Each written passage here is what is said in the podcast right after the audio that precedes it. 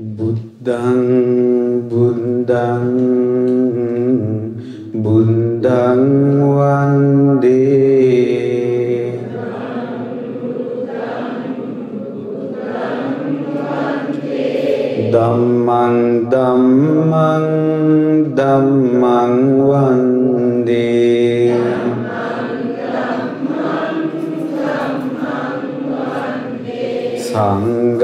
සංගං සංගං සංගං වන්දේ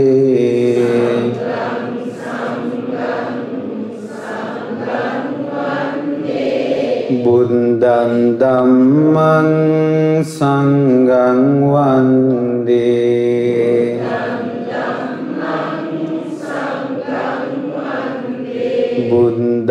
ධම්මං සංගං වන්දේ.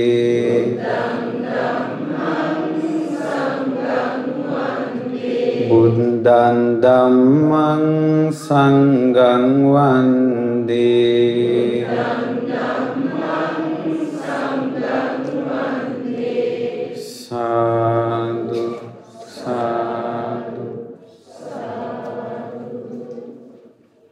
අපිට ලැබිච්ච විශාල භාග්‍යයක් තමයි මේ සූත්‍ර දේශනා දවස පුරාම අහන්න ලැබෙන එක. කෙනෙකුට හිතෙන්න පුළුවන් ස්වාමීන් වහන්සේලා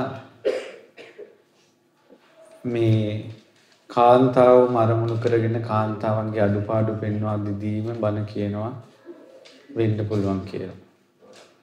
එහෙම නෙවෙයි. කාන්තාවක් ගෞරවනීය බිරිඳක් වුණොත් කාන්තාව ගෞරවනීය අම්මා කෙනෙක් වුණොත් කාන්තාව අම්මා කෙනෙකුට ගෞරවනීය දුවෙක් වුණොත් තුන් ඒ අතන ලෝකයක් වෙනස් කරන්න පුළුවන්. ලෝතර සම්මා සම්බුදුරජාණන් වහන්සේ නමක් පවා අම්මා කෙනෙක්ගේ කුසින් උපදින මනුස්ස දරුවෙක්. ඒ නිසා ලෝතර සම්මා සම්බුදුරු පවා මාතෘ පදවියට මව් තනතුරට ප්‍රශංසා කරනවා. ඉතින් ඒ නිසා නමුත් පින්වත්නි මේ කාන්තා ජීවිතය කියන එක මේ කර්මානුරූපව ලැබෙන එකක්. මා එසේ කියන්නේ ඇයි? ලෝතුරා සම්මා සම්බුදුරජාණන් වහන්සේ ඉස්සල්ලාම මේ පැවිද්ද දුන්නේ භික්ෂූන් වහන්සේලාට පස්වග තවසන්ඩ. ඒ සඳහා කිලෝමීටර් දෙසිය ගානක් දෙසිය අහතලියකට වෙලා. ගයාවිඳල භාරණසයට බුදුරජාන් වහන්සේ පාගමනින් වඩිනවා. එනමුත්. මහා ප්‍රජාපතිය ස්වාමිනි භාග්‍යතුන් වහන්ස මාහට පැවිද්ද දෙන්න කියනකොට ප්‍රජාපතිය ස්ත්‍රීන්ට පැවිද්ද රුචි නොවේවා. දෙවෙනි වතාවෙත් වදාලා ස්ත්‍රීන්ට පැවිද්ද රුචි නොවේවා. තුන්වෙනි වතාවෙත් වදාලා ස්ත්‍රීන්ට පැවිද්ද රුචි නොවේවා. අවස්ථාව ලැබුණේ. කොණ්ඩඤ්ඤන් වහන්සේ ස්වාමීනි මාව පැවිදි කරන්න කිව්ව සැනින් භික්ෂුව මෙහෙන්න කියලා එහි භික්ෂු භාවයෙන් පැවිදි කළා. ලෝතුරා සම්මා සම්බුදුරජාණන් වහන්සේ කපිලවස්තුවේ ඉඳලා විශාලාමා නුවරට වඩිනවා. කිලෝමීටර සිය ගාන විශාල දුරක්. පාගමනේ මාස ගණනක් යන දුරක්. ඊට පස්සේ ප්‍රජාපතියට මහනකමේ අදහස නැති වෙන්නේව නැහැ. ප්‍රජාපතියට ඒ වෙනකොට වයස පින්වත්නි අවුරුදු 80 පැනලා. අවුරුදු 80 පැනලා ප්‍රජාපතියට වයස. ඊට පස්සේ 500ක් පැවිදි වෙන්න කැමති කාන්තාවන් සමග කෙස් බාලා පයට වහන් සඟලක්වත් නැතුව කුඩයක් නැතුව සිවුරු ටික විතරක් ඇඳගෙන යොදුන් සිය ගණනක් පා ගමනින් එනවා. එන ගමනේ මග නවතින්න තැනක් නැහැ ගස් ගල්ලයට නිදාගන්නේ. රාජ අග්‍ර මහේසිකාව අවුරුදු 80ක් වයසයි. ඈ වයෝ වෘද්ධයි. පාගමනින් මාස ගණනක් ඇවිල්ලා විශාලා මනුවර කූටාගාරයේ එළියේ වැඩ ඉන්නවා. මේ කිරිපෝපු අම්මානේ මේ ලෝකේ මහා කරුණාවෙන් යුක්තයිනේ අපේ බුදුරජාණන් වහන්සේ. කපිලවස්තු කියන්නේ ප්‍රජාපති ප්‍රජාපතියගේ නිවසේ ඉඳලා කිලෝමීටර් දෙකක් තුනක් දුර කපිලවස්තුවට. අවුරුදු හතේ රාහුල කුමාරයා ඇඟිල්ලෙන් එල්ලලා ගිය විහාරේ. එතකොට බුදුරජාණන් වහන්සේ දකින්නේ නැද්ද දිවසින් කපිල වස්තුවේදීන් තුන් පාරක් පැවිද්ද ප්‍රතික්ෂේප කරලා කළාට පස්සේ මේ අම්මා මගේ අම්මා යොදුන් සිය ගණනක් පා පුපුරවාගෙන ලේ හලාගෙන යොදුන් සිය ගානක් දැන් විශාලාවට එනවා කියලා දන්නේ නැද්ද බුදුරජාණන් වහන්සේ? දන්නවනේ. නමුත් එහෙම තමයි සිද්ධ වුනේ. මේ වනාහි ස්ත්‍රී ජීවිතයක් ලැබීමේ විපාක. ඊට පස්සේ පින්වත්නි ඔන්න දැන් කූටාගාරයෙන් එහා පැත්තේ ඉන්නවා ආනන්ද ස්වාමීන් වහන්සේ තමයි පණිවිඩය අරන් ගියේ. ආනන්ද ස්වාමීන් ඔය කරුණ බුදුරජාණන් වහන්සේට දේශනා කළ. බුදුරජාණන් වහන්සේ වදාලා ආනන්ද මේ ඉස්සෙල්ල ප්‍රතික්ෂේප කළා. පස්සේ ආනන්ද ස්වාමීන් ගොඩක් කරුණු කිව්වා. බුදුරජාණන් වහන්සේ වදාලා එනම් ප්‍රජාපතිය අෂ්ටගරු ධර්ම පිළිපදිනවා නම් ඇයට දෙන්නම් කියලා කිව්වා. පැවිදි උපසම්පදා. එතකොට මොනවද ස්වාමීන් වහන්සේ අෂ්ටගරු ධර්ම කියන කිව්වා? උපසම්පදා වෙලා අවුරුදු 100ක් ගියත් භික්ෂුණියක්. එදාම උපසම්පදා වෙච්ච ස්වාමීන් වහන්සේට වඳින්න ඕන. කිසිම හේතුවක් මත ස්වාමීන් වහන්සේ නමකට අවවාදයක් කරන්න බෑ භික්ෂුණියට.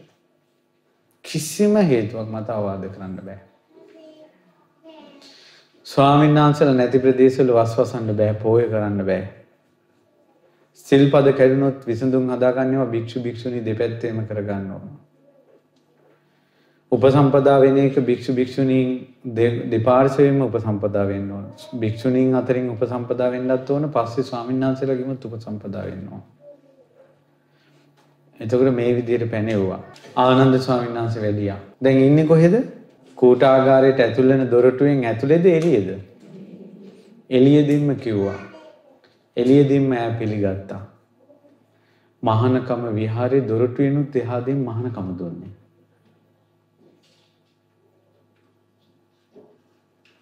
මහා කරුණාවෙන් යුතු ලෞතුරා සම්බුදුරජාණන් වහන්සේ. මේ වනාහි ස්ත්‍රී ජීවිතේ විපාකයි. කවදාවත් ස්ත්‍රියකට එහි භික්ෂු පැවිද්ද ලැබිලා නැහැ. මොහොතක් කල්පනා කරන්න. ඇයි මා මේවා කියන්නේ? ස්ත්‍රීන්ට උරුම ස්ත්‍රී ගති ගුණ තියෙනවා. ඊර්ෂ්‍යාව ඔබ ඊර්ෂ්‍යාවෙන් වැළකෙන්න. එතකොට ඔබ මේ නිന്ദා ලබන ස්ත්‍රී ජීවිතෙන් නිදහස් වෙනවා. වහා මානසිකව කඩාගෙන වැටෙන එක ස්ත්‍රියකගේ ස්ත්‍රී ගති හැම දෙයකටම අඬාගෙන ඉන්නවා නම් කොල්ලේ අපි කියනවා තෝ මොකද යකෝ ගෑණියෙක් වගේ කියනවද නැද්ද? එතකොට එහෙනම් ස්ත්‍රියක් වහා කඩාගෙන හිටලා මූණ හැම වෙලාවෙම එල්ලගෙන අඬ ඇඬු කඳුලින් ඉන්නව නේද? ඈ ස්ත්‍රී ජීවිත ඉක්මවන්නේ නැහැ. උපනෝපන් ජීවිත ස්ත්‍රී ජීවිතේටම යනවා. ස්ත්‍රී ජීවිත කියන්නේ නිත්‍ය දෙයක් නෙවෙයි. ගුණධර්ම පුරලා පින්බලින් ඈ පුරුෂයෙක් වෙන්න පුළුවන්. ධර්මධාරී වූ සුති සාගර වූ ධර්මයේ දරාගත් සාගරයක් තරම් ධර්මයේ දරාගත්ත මගේ ආනන්ද මහරහතන් වහන්සේ සංසාරේ වැරදි කාම සේවනය කරලා අතීතේ ඒ විපාකෙට ස්ත්‍රියක් වෙලා ඉපදිලා ඉඳලා තියෙනවා. නමුත් බොහෝ ධර්මයේ වඩලා ඉක්මනට ජීවිත 14කින් වගේ ආපහු පිරිමික් වෙලා තියෙනවා. වැරදි කාමසේවනයේ ස්ත්‍රියක් කරන විපාකයක්. පිරිමියා ස්ත්‍රියක් කරන. ස්ත්‍රිය ස්ත්‍රී ජීවිතේම නින්දා ලබනවා. මම මේවා කියන්නේ ගුණ ඇති කර ගැනීම පිණිස අගුණ දුරු කර ගැනීම පිණිස. හැම තැනම තියෙන තොරතුරු ඇවිල්ලා කියනකොට කරන පිරිමි කෙනෙක් ස්වාමීන් වහන්සේ අරේ මෙහෙමයි මෙහා මෙහෙමයි කියනවා. ඒතර අපි උනක් කියනවා මේ මිනිස්සු ගෑනු වගේ. හැම තැනම විස්තර ඇවිල්ලා කියනවා. කියලා අපි කියනවද නැද්ද? ඒ කියන්නේ ස්ත්‍රී ගත ගුණයක් තමයි හැම තැනම විස්තර හොයන එක. ඕපාදූප. යම්කිසි ස්ත්‍රියක් කර්මානුරූපව ලැබිච්ච ස්ත්‍රීන් දුරුම වූ ඒ දෝෂේ දුරු කර ගන්නවාද? තමා ගැන පමණක් බලලා තමාගේ යුතුයකම් ටික ඉෂ්ට කරගෙන ධර්මයේ පිළිපදෙමින් අන් අයට ඇඟිලි දික් කරගන්න නැතුව ධර්මයේ පුරුදු කරනවද පින්බලෙන් පෝසත් වන ඈ ඒ ස්ත්‍රී ජීවිතය අත්හැරලා දානවා. ප්‍රශ්නයක් වුණාට පස්සේ කඩාගෙන වැටෙනවා. ඒ මැත්තේ ශෝක වෙවි ඉන්නවා.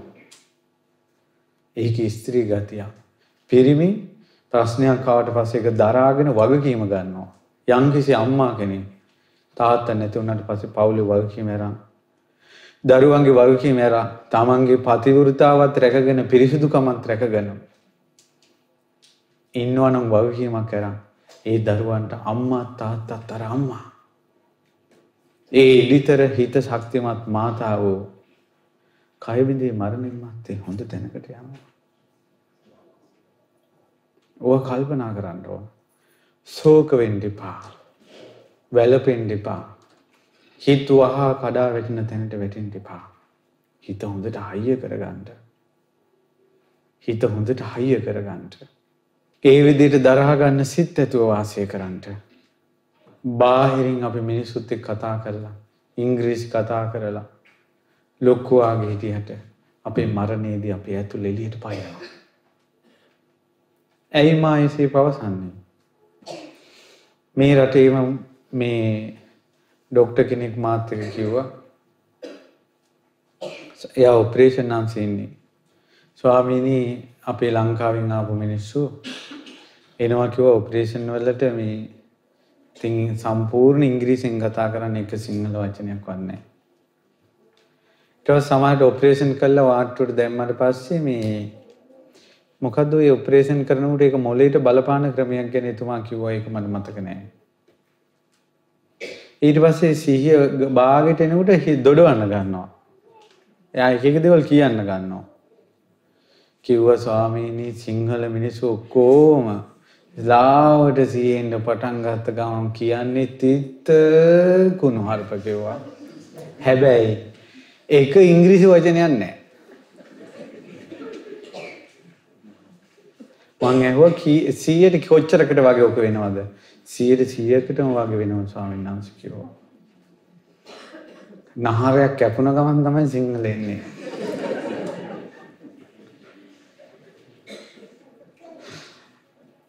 ඒකයි. සුද්දන්ටත් එහෙමයි සුද්දුත් කුණුහරුප තමයි කියනවා කිව්වේ ඉංග්‍රීසි. ඉතින් මං කල්පනා කරන ওই අවස්ථාවේ මැරුණොත් කුණුහරුපක කියා මැරෙන්නේ. කෝ මම බුදුන් සරණ ගියා ධර්මයේ සරණ ගියා සංඝයා සරණ ගියා. මම තෙරුවන් සරණ ගිය ශ්‍රාවකෙක් කිය කියා මැරෙන්නේ කවද්ද?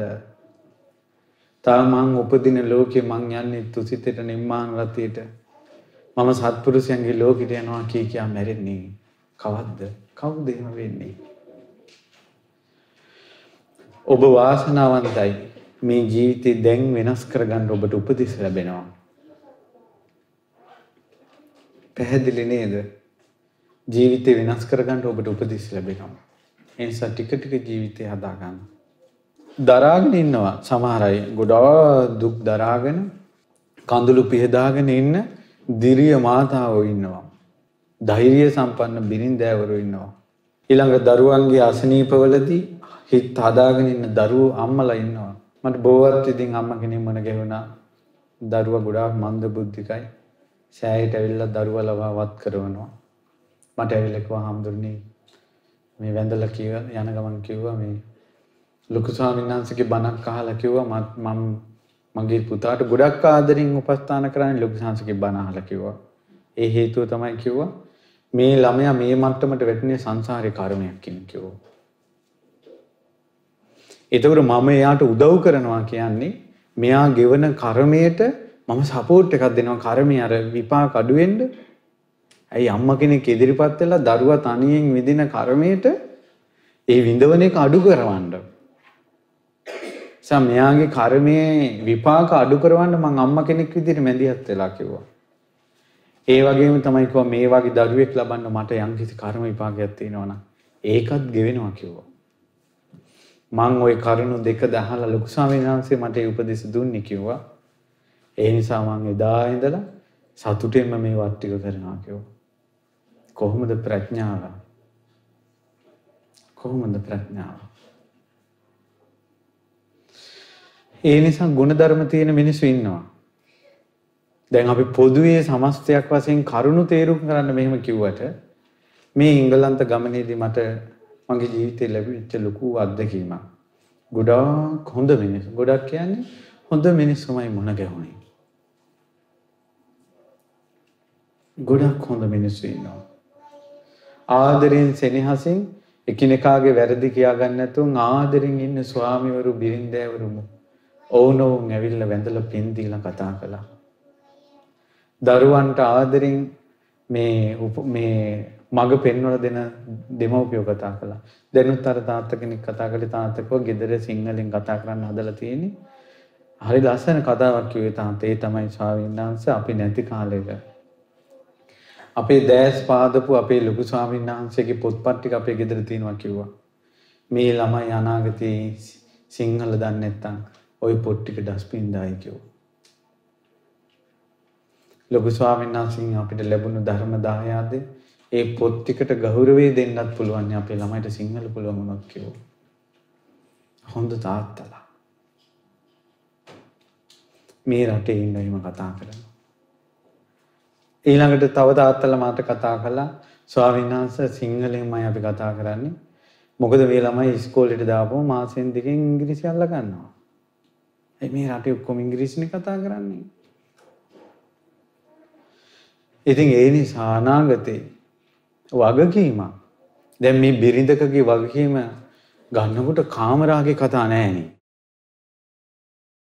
බිරිඳකට තියෙන වගකීම් ටිකක්. කාම පෙරේතකම නෙවෙයි. පිරිමියාටත් වගකීම් ටිකක් බිරිඳට ගෞරවය දීලා එවැනි බිරිඳකට සුදුසු ස්වාමියෙක් වෙලා ගෞරවයක්. ඒ දරුවන්ගේ වගකීම හිතට ගත්තට පස්සේ නිකම් මේ පිස්සු කෙලින්ට කාලයක් නැහැ. වගකීම නැති තැන තමයි පිස්සු තියෙන්නේ. මොවුන්ට තියෙන වගකීම වගකීමක් හිතට ආවේ නැත්තම් ඒ වගකීමක් නැති මිනිස්සුන්ට හිතට එන දේවල් වලට එන එයාලට මුහුණ දෙන්න තියෙන ජීවිතේට එයාලා පාවිච්චි කරන නම මොකද්ද වගකීමක් නැති මිනිස්සු පාවිච්චි කරන වචනේ වගකීමක් නැති මිනිස්සු ජීවිතේට මුහුණ දෙනකොට ඒ වගේ එන අපහසුතාවලදී ඔවුන් පාවිච්චි කරන වචනේ තමයි මොකද්ද ස්ට්‍රෙස් වගකීමක් නැහැ ඔවුන්ට කරදරයක්. ස්වාමියාගේ වැඩට කටයුතු කිරීම ඇයට කරදරයක්. ඒක වගකීමක් විදිහට දකින්නේ දරුවන්ගේ වැඩට කටයුතු කිරීම ඇයට කරදරයක්. අම්මා කෙනෙක්ගේ වගකීමක් විදිහට පේන්නේ ළමයිටත් ඉගෙන ගන්න එක කරදරයක්. මගේ අනාගතේ මේ හදාගන්නේ කියලා ළමයිට හිතෙන්නේ ඔයාලා ළමයිට උගන්වනවා ඇත්තටම අම්මලා තාත්තලාගේ හිතේ ඇතුලේ තියෙන දේ තමයි මුන් හොඳට ඉගෙනගෙන හොඳ තැනකට යන්න ඕන. මුන්ගෙන් වතුර පොදක්වත් අපිට එපා කියලා. දරුවෝ කණ්ඩ බොණ්ඩ දීලා Tamanට සැප දෙනකල් අම්මලා බලාගෙන ඉන්නේ නැහැ. ඒතර උගන්වන්නේම ළමයින්ට සැපේ පිණිස. යහපත පිණිස. ඒතර ළමයි ඒක තේරුම් ගන්න නැතුම් ළමයි කිව්වොත් මේ ඉගෙන ගන්න එක ස්ට්‍රෙස් කියලා උන්ට වගකීමක් නැහැ. ඒවා හදන්න ඕන. ඔයාලා ගෙදර පාවිච්චි නොකළ යුතුයි. සිංහලෙන් කතා කරනවා වගේම ඉංග්‍රීසි කතා කළාට කමන්නේ අර වචනේ පාවිච්චි කරන්නේ නැතුව. ඒක අපිට හොඳ නෑ මේ වචනේ. වගකීමක් නැතුව කුසීතකම සහ තමන්ගේ වැරදි වසා ගැනීමේ වාක්‍යයක් ඒක. ඉතින් ඒ නිසා ඔන්න දැන් නකුල මාතා නකුල පිතා ඒ ජෝඩු හරි අගේ. උන්දල දෙන්න හරියට බණහන් දෙනවා. මඟපල් ලබලා. තුන් ශ්‍රාවකයෝ. සෝහන් වුණත් කැමති මොකටද? ඒ දෙන්නම ඊළඟ ජීවිතේ මුණ ගැහෙන්න. ඊට පස්සේ මේ මේ දෙන්න විටින් විට වෙහෙරට යනවා. වෙහෙරට යද්දී දැන් ඔන්න බිරිඳ දැන් නකුල මාතා ගිය වෙලාවකනේ කිව්වේ තාත්තා ගිය දවසක්. හැබැයි මේ පවුලට තිබ්බ හරි කරදරයක් තිබ්බා. හරියට තාත්තා ලෙඩ වෙනවා. හරියට ලෙඩ වෙනවා. ලෙඩ වෙන ගානේ ඉතින් ඔන්න සනීප වෙනවා. සනීප වෙච්ච ගමන් හැරමිටි අරගෙන යන්නේ කොහෙටද? වෙහෙරට. වෙහෙරට යනවා. වෙහෙරට ගියම ගමන් දවසක් බුදුරජාණන් වහන්සේ වදාලා නකුල පිතා මේ දැක්කේ නෑනේ ගොඩක් කල්. අර පුතෙක් තාත්තට කතා කරනවා වගේ. තාත්තේ ගොඩක් කල් දැක්කේ නෑනේ කිව්වා බුදුරජාණන් වහන්සේ අහන්නේ. අනේ භාග්‍යතුන් වහන්සේ මන් ලෙඩ වෙලා හිටියන්නේ. හරි අමාරු වුණා. හැබැයි දැන් ටික සනීපයි. බුදුරජාණන් වහන්සේ වදාළා නකුල පිතා තාත්තේ මේ කය බිත්තරයක් වගේ කිව්වා. මේ කය බිත්තරයක් වගේ කිව්වා. බිත්තරයක් වගේ කියන එකේ තේරුම මොකද? අඩමානයි. කොයි වෙලාවෙ වැටිලා කෙල්ල ඒත් දන්නේ ඒ නිසා තාත්තේ ලෙඩ වෙන කයක් මේ තියෙන්නේ. ලෙඩ රෝගවලට කැදල්ලක් මේක. ඒ නිසා කය ලෙඩ වුණාට තාත්තා හිත ලෙඩ කරගන්න එපා. සාදුකාර දුන්න. දැන් ඕක දැන් තමයි මම කය ලෙඩ වුණාට හිත ලෙඩ වෙන්න එපා. කියලා දැන් බුදුරජාන් වහන්සේට කියපු එක හිතලා හරි සතුටින් සමහර වෙලාවට අපි වෙලාවට මේ සැදැහැවතුන් ආවට පස්සේ මොනවා හරි වාක්‍යයක් කියනවා සමහරට ඒ වාක්‍යෙම හිතේ තියාගෙන ඉන්නවා අරයා දැන් අර අසනීප පුතා හිටපු අම්මා අර වාක්‍ය හිතේ තියාගෙන හිටි ලොකු සන්නස කියපු බණපදේ මේ අසනීප දරුවෙකුට උපස්ථාන කිරීමෙන් දරුවගේ කර්ම වේගෙත් අඩු වෙනවා තමන්ගේ කර්මෙත් ගෙවිලා යනවා ඒ අම්මව ජීවත් කරවන්නේ වචනෙන්නේ දැන් අර තාත්තගේ වචනේ ඕක තමයි හිතේ වැඩ කළේ. ඒ තාත්තා නකුල තාත්තා ඕක හිත හිතා යනකොට හරි සතුටුයි දැන් මෝන. සාරිපුත්ත මහරහතන් වහන්සේ මුණ ගැහුණ මෝන්ට. නකුල පිතා මොකද මේ මූණ මෙච්චර ලස්සන වෙලා බුදුරජාන් වහන්සේ ගිහින් බණපදයක් ඇහුවවද්ද ස්වාමීනි මං බුදුරජාණන් වහන්සේ මට ධර්මයේ නැමැත්තෙන් මාව අභිෂේක කළා. මොකද්ද කි බුදුරජාණන් වහන්සේ කුමද්ද වදාළේ තාත්තේ? කය ලෙඩ වුණාට හිත ලෙඩ කරගන්න එපා කියලා කිව්වා. ඊට පස්සේ සාරිපුත්ත මහ රහතන් වහන්සේ ඇහුවා ඉතින් තාත්තේ මේ කය ලෙඩ වුණාට හිත ලෙඩ නොකරගන්නේ කොහොමද? කය ලෙඩ වුණ වෙලාවට හිතත් ලෙඩ වෙන්නේ කොහොමද කියලා ඔයා බුදුරජාණන් වහන්සේ ඇහුවේ නැද්ද? අනේ ස්වාමීනි ඒක ඇහුවේ නෑනේ. දැන් ඔහොමත් තියෙනව නේද? අනේ ස්වාමීනි ඒක ඇහුවේ නෑනේ. අනේ සාරිපුත්යන් වහන්සේ මට ඒක කියලා දෙන්න. මම ඉතින් ඕනම දුරක ඉඳලා ඇවිල්ලා ඔබ වහන්සේගෙන් ඒක අහන්න කැමතියි.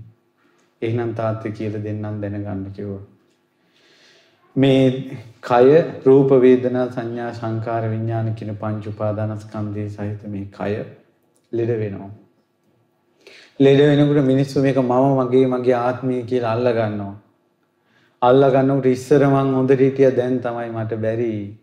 මං ඉස්සර හොඳට ඇවිදලා හිටපු මිනිස්සේ අනේ මට දැන් මෙහෙම වුණාට ඉස්සර මාව මුණ ගැහෙන්න හොඳ හොඳ ලොකු ලොකු මහත්තුරු ආවා. දැන් කවුරුවත් මාව එන්නේ නැහැ. ඉස්සර මට හොඳට දත් ටික තිබ්බා දැන් දත් වැටුණාට. ඉස්සර මං හරි ලස්සනයි දැන් හැම හැම රැලි වැටුණාට කියලා. දුක් වෙනවා. ඉස්සර හොඳට තිබ්බ දැන් නැහැ කියලා. මට ඇඟපත වාරු නෑ මට මෙහෙම වුණේ ඇයි? ඇයි මට මෙහෙම වුණේ කියලා ලෙඩ වුණාට පස්සේ ඔහේ සෝකෙන් ඉන්නවා කිව්වා. එතකොට ඇඟත් ලෙඩ වෙලා හිතත් ලෙඩ වෙලා. යම්කිසි කෙනෙක් දකිනවා මේ රූප වේදනා සංඥා සංකාර විඥාන සහිත මේ පංච උපාදානස්කන්ධය එහෙම නැත්නම් මේ දෙමව්පියන්ගෙන් හටගත්ත මේ ශරීරේ ලෙඩ වෙන ස්වභාවයෙන් යුක්තයි. වෙනස් වෙන ස්වභාවයෙන් යුක්තයි. මේ ඇඟක තමයි ලෙඩ හැදෙන්නේ. වෙන කොහෙද ලෙඩ හැදෙන්නේ? ඇත්තටම යම් තාක් මේ ලෝකේ ලෙඩ තියෙනවා නම් ඒ ලෙඩ කොහෙටද හැදෙන්නේ ඇහුන්නේ කයට. ඒතර අපිට තියෙන්නේ මොකද්ද? එහෙනම් අනිවාර්යෙන් ওই හැම ලෙඩක්ම හැදෙන්න පුළුවන්ද බැරිද? හැම ලෙඩක්ම හැදෙන්න පුළුවන්. ඊට පස්සේ කයේ ස්වභාවය මේකයි ලෙඩ වෙන ශරීරයක්. මේ මේ පංච උපාදානස්කන්ධේ මම නෙවෙයි, මගේ නෙවෙයි, මගේ ආත්මය නෙවෙයි කියලා විමසනවා. එයාගේ ඇඟ ලෙඩ වෙලා, ඒ වුණාට හිත ලෙඩ වෙලා නැහැ. නකුල පිතාට හරි සතුටුයි. දැන් ඔන්න තාත්තා hina වෙලා ගෙදර ගියා. දැන් නකුල තාත්තා යම්මයි කිරිපැණි වගේ. දරුවෝ ටිකක් ඉන්නවා පොඩි පොඩි පැට්ටුත් ඉන්නවා. ඊට පස්සේ දරුවෝ ටිකත් සමහර අය බැඳලා සමහර අය ගොවිතැන්පත් කරනවා සමහර අය ගව පාලනය කරනවා. ගෙදර තව පැටවු ටිකක් ගෙදර ඉන්නවා ගොඩක් දරුවෝ. ඕම ඉන්නකොට ආයෙත් නකුල තාත්තා ලෙඩ වුණා. හොඳටම අමාරු වුණා. ඔනේ ඒ විස්තරය තමයි අද හවස් කාලේ. ඒකන් සමයම් භගවා භග්ගේසු විහෙරති සුන්සුමාරගිරි බේස කලාවන්නේ මිගදායේ.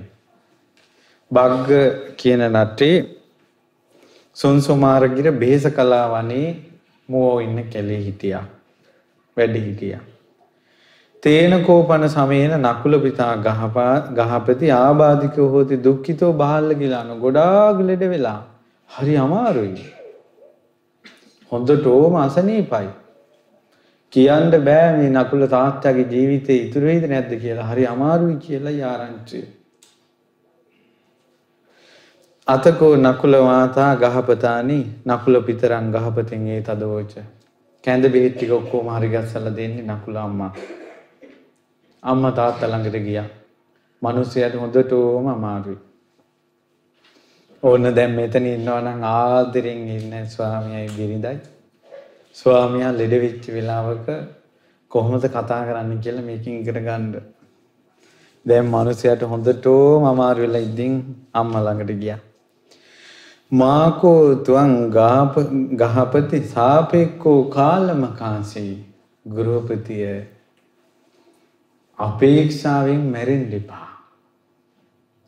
අපේක්ෂාවෙන් කියන්නේ ආසාවෙන් මැරෙන්න එපා. දුක්ඛා ගහපති සාපේකස්ස කාල කිරියා. අපේක්ෂාවක් ඇතුව ප්‍රාර්ථනාවක් ඇතුව මේ ලෝකෙට බැඳීමක් ඇතුව මැරුණ එක හරි දුකක්. ගරහිතාච භගවතා සාපේකස්ස කාල කිරියා. බුදුරජාන් වහන්සේ මේ ලෝකෙට බැඳිලා මේ ලෝකේ අල්ලාගෙන අපේක්ෂාවෙන් මැරෙන එකට ගැරෙව්වා බුදුරජාන් වහන්සේ කැමති නෑ ඒවට. සියාකෝ පනතේ ගහපති ඒව මස්ස. දැන් මේ මොකක් ගැනද මේ කල් කතා කරන්නේ? මරණය ගැන. මේ වාගේ වැදගත් කතාවක් කරන්නත් වැදගත් ජෝඩුවක් වෙන්න ඕන. නැත්තම් මිනිස්සයා ලෙඩ වෙච්ච වෙලාවක ගෑනු කෙනා ළඟට ගිහිල්ලා අනේ ඔයා මැරෙන්න මේ කිසිම දෙයකට ආසාවක් නැතුව මැරෙන්න කියපු ගමන් මිනිස්සයාට නැති පැන ඇවිල්ලා සේලා එකක් ගාලා තිබ්බනම් ඒක ගහයි ගෑනෙට තෝ මාව මරා ගන්න හදනවා කියලා මන්නම් හිතන්නේ මේ ලෙඩ වෙච්ච පවුල් වල මරණයක් ගැන කතා කරන්න පුළුවන් කියලා ඒ කියන්නේ මිනිස්සු මං ගම්වල මිනිස්සු එහෙම මරණය ගැන කියනකොට කටවහන. මොහොසල කතා කියන්න එපා. මොහොසල කතාවල්ලු. පුදුම වැඩ. ඊට පස්සේ කියනවා දැන් ඔන්න මරණය ගැන කතා කරන්නේ. මේ බලන්න කියනවා සියාකෝ පනතේ ගහපති ඒව මස්ස න නකුල මාතා ගහපතානි මමච්චේන සක්කිස්සති ධාරකේ පෝසේතුම් ගරාවසං සන්තරිතුන්ති කියනවා ගෘහපතිය ඔබට හිතෙන්න පුළුවන් මම මැරුණාට පස්සේ නකුල අම්මා මුන්දට දරුවෝ ටිකක් බලාගෙන කොහොමද වැඩ කරගෙන ඉන්නේ? ඔන්න හැම පිරිමියෙක්ගේ වගකීමක් තියෙන පිරිමි අයගේ හිතේ තියෙන වැඩ කරන සිතිවිල්ලක් මේක. මම මැරුණොත් එහෙම පවුලේ බර අම්මලාට බැටවෙයි. මුන් ජීවත් වෙන්නේ කොහොමද? මම මැරුණොත් මේ අය ජීවත් වෙන්නේ කොහොමද කියලා හැඟීමක් මිනිසුන්ගේ හිත තුල තියෙනවා. නකුල අම්මා කියනවා තාත්තා ඔයාට හිතෙන්න පුළුවන් මේ මම මැරුණාට පස්සේ මේ නකුල අම්මා මොනවා කරගනීද දන්නේ දැන් කොහොමද ජීවත් වෙන්නේ මේ දරුවෝ ටිකත් හදාගෙන කියලා. නකෝ පනීතං ගහපති එවන් දට්ටම්බං එහෙම හිතන්න එපා. කුසලාහං ගහපති කප්පා සංකන්තිතුම් වේනින් ඕලි කිතුම් මට පුළුවන් රෙදි වියන්ට මට පුළුවන් රෙදි මහන්ට සක්කෝ මහන් ගහපති තවච්චේන ත්වච්චේන ධාරකේ පෝසේතුම් ගරාවසං සන්තරිතුම් ඉතින් මට රෙදි මහලා කපු කටලා ඒ කියන්නේ ඒ කාලේ තිබ්බ රස්සාවල්නේ. මට ඒවක් කරලා මට මේ දරුව පෝෂණය කරන්න පුළුවන්. කොහොමද අම්මගේ හයිය? අද සෑම ස්ත්‍රියක්ම ස්වාමියාගේ මරණය ඉදිරියේ වයසක අය පවා. ස්වාමියා පනා දෙනකොට ළඟ කඩාගෙන ඉන්නවා. ඔයා නැති වුණොත් අපිට මොනවා වෙයිද කියලා. මහා හෙනයක් මිනිස්සයාට පාත් කරන්න බිරිඳ. ඇයි අර මිනිස්සයා මැරෙන්න ප්‍රණාදයද ඉන්නකොට වටින් ඔයා නැති වුණොත් මම මොකද්ද මට වෙන්නේ කියලා කිව්වට පස්සේ අර හිත මොකද්ද වෙනවා. අපිටත් එහෙමනේ. ඔය වචන හරි භයානකයි පින්වත්තුනි. හිත බැඳුනට පස්සේ හිත බැඳුන කෙනෙක් කිව්වොත් එහෙම ඔයා නැති වුණොත් මට කවුද ඉන්නේ කියලා ඒක මේ හදවත ඇතුළට වදිනවා. මට වැඩි එක ඔයාලා දන්නවා ඇති. ඔයා විතරයි මට ඉන්නේ. දැන් බලන්නකෝ ඔය ප්‍රේම ලෝකේ සැරිසරන වගකීමක් නැති ওই දරුවන්ගේ ලෝකවල තියෙන ප්‍රේම වචන ටික ඕකනේ. අනේ බබෝ ඔයා විතරයි මට ඉන්නේ මං නැත්තම් ඔයාට කවුද ඉන්නේ කිකිය ඔය වගේ වචන සෙට් එකක් නේ තියෙන්නේ. ඒ කියන්නේ ඒ වචන වලින් ලොකු බන්ධනයක් ඇති කරනවා. ඒ නිසා තමයි අර නකුල අම්මා කියන්නේ මට පුළුවන්. මට හොඳට මේ ගේ දොර වැඩපොළ කරගන්න පුළුවන්. තස්මාති හේතුවන් ගහපති. ඒ නිසා ගෘහපතිය. ඔබ මැරෙන්න එපා. අපි ගැන හිත හිතාන ඔයාට ඔයා මැරෙන්න එපා අපි ගැන හිත හිතාන ඔයා කිසිම අපේක්ෂාවක් නැතුව මැරෙන්න. ඒ කියන්නේ මොකද්ද? හිතන්න එපා. මන් නැති වුණොත් දරුවන්න මොකද වෙන්නේ කියන සිතවිල්ලෙන් මැරෙන්න එපා කියනවා. කොච්චර ඉන්නවද? මන් නැති වුණොත් මට මොන ගිහිලා තියෙනවා? ඒ වගේම ගොඩාක් ඔයාලත් මම මේ කියන දේ දෙස පොඩ්ඩක් විමසලා බලන්න.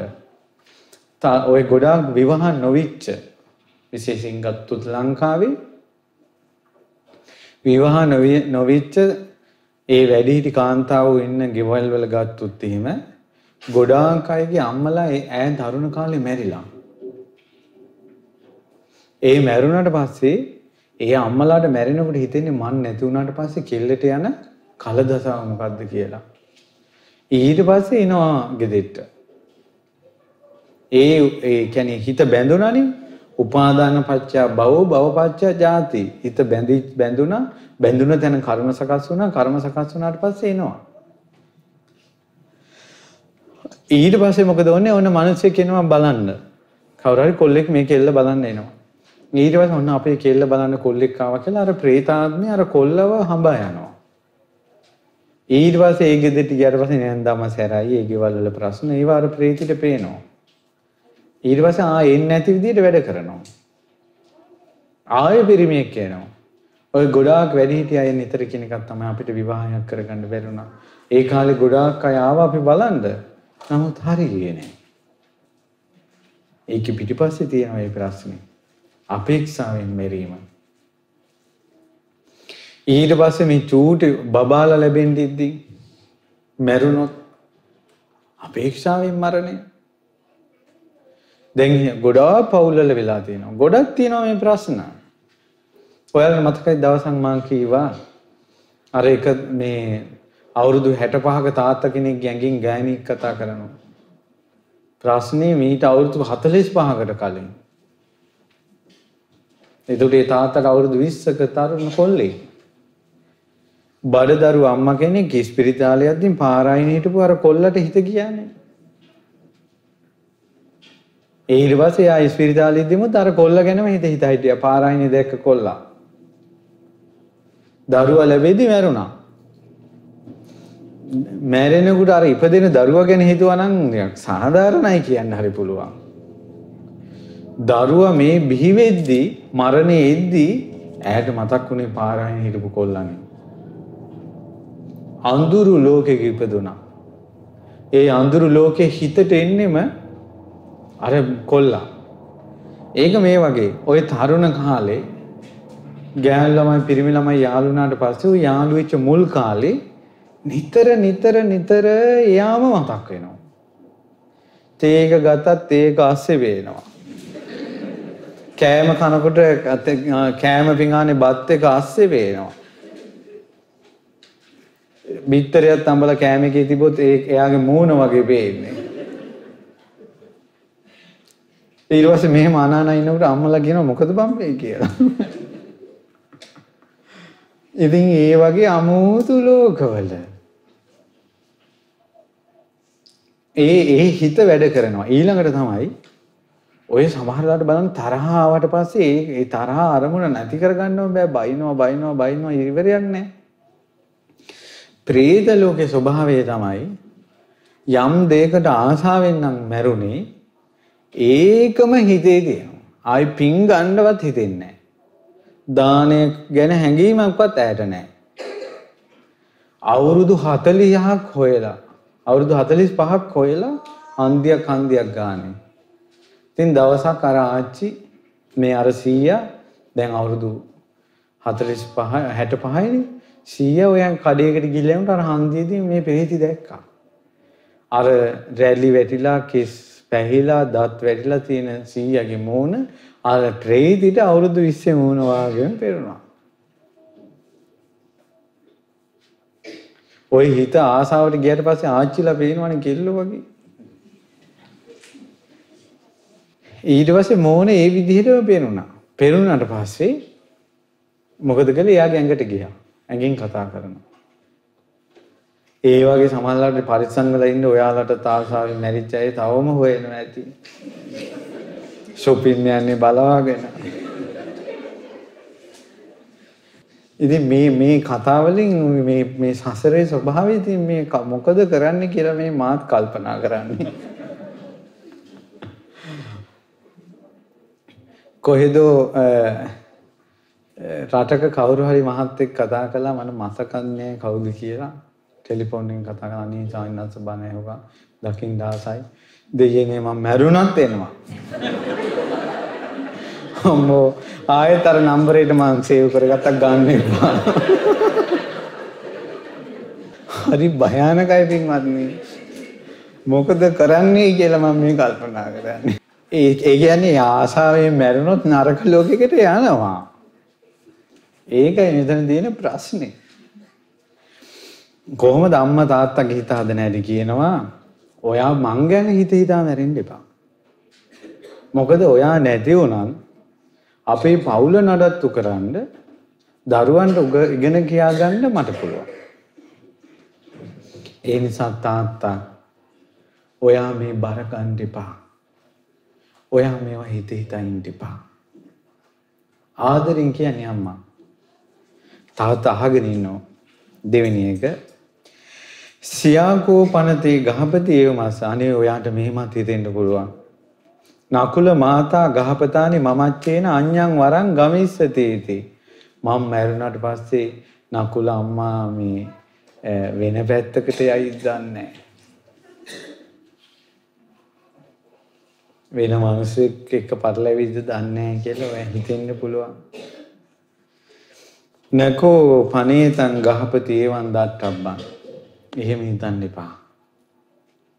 තුවංචේවකෝ ගහපති ජානාසේ ඔයා දන්නවනේ අහංච යදානෝ සෝලස වස්සානි ගහට්ටකම් බ්‍රහ්මචරියන් සමාදෙන්න. ඔයා දන්නවා නේද අපි දෙන්න අවුරුදු 16ක් දැන් බ්‍රහ්මචාරී.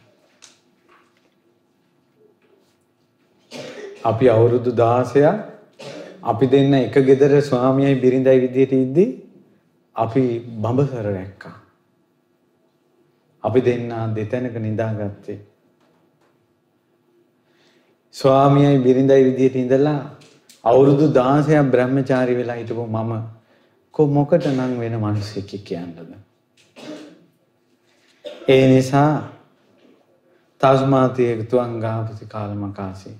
ඒ නිසා ඕවා හිත හිතා මැරෙන්න එපා. ඔයා මේ බර කරට ගන්න එපා. ඔයා අපේක්ෂාවක් නැතුව මැරෙන්න. ඒකයි දැන් මිනිස්සයාට තේරුනොත් එහෙම බිරිඳ කාම ආසාව වැඩි කෙනෙක් කියලා.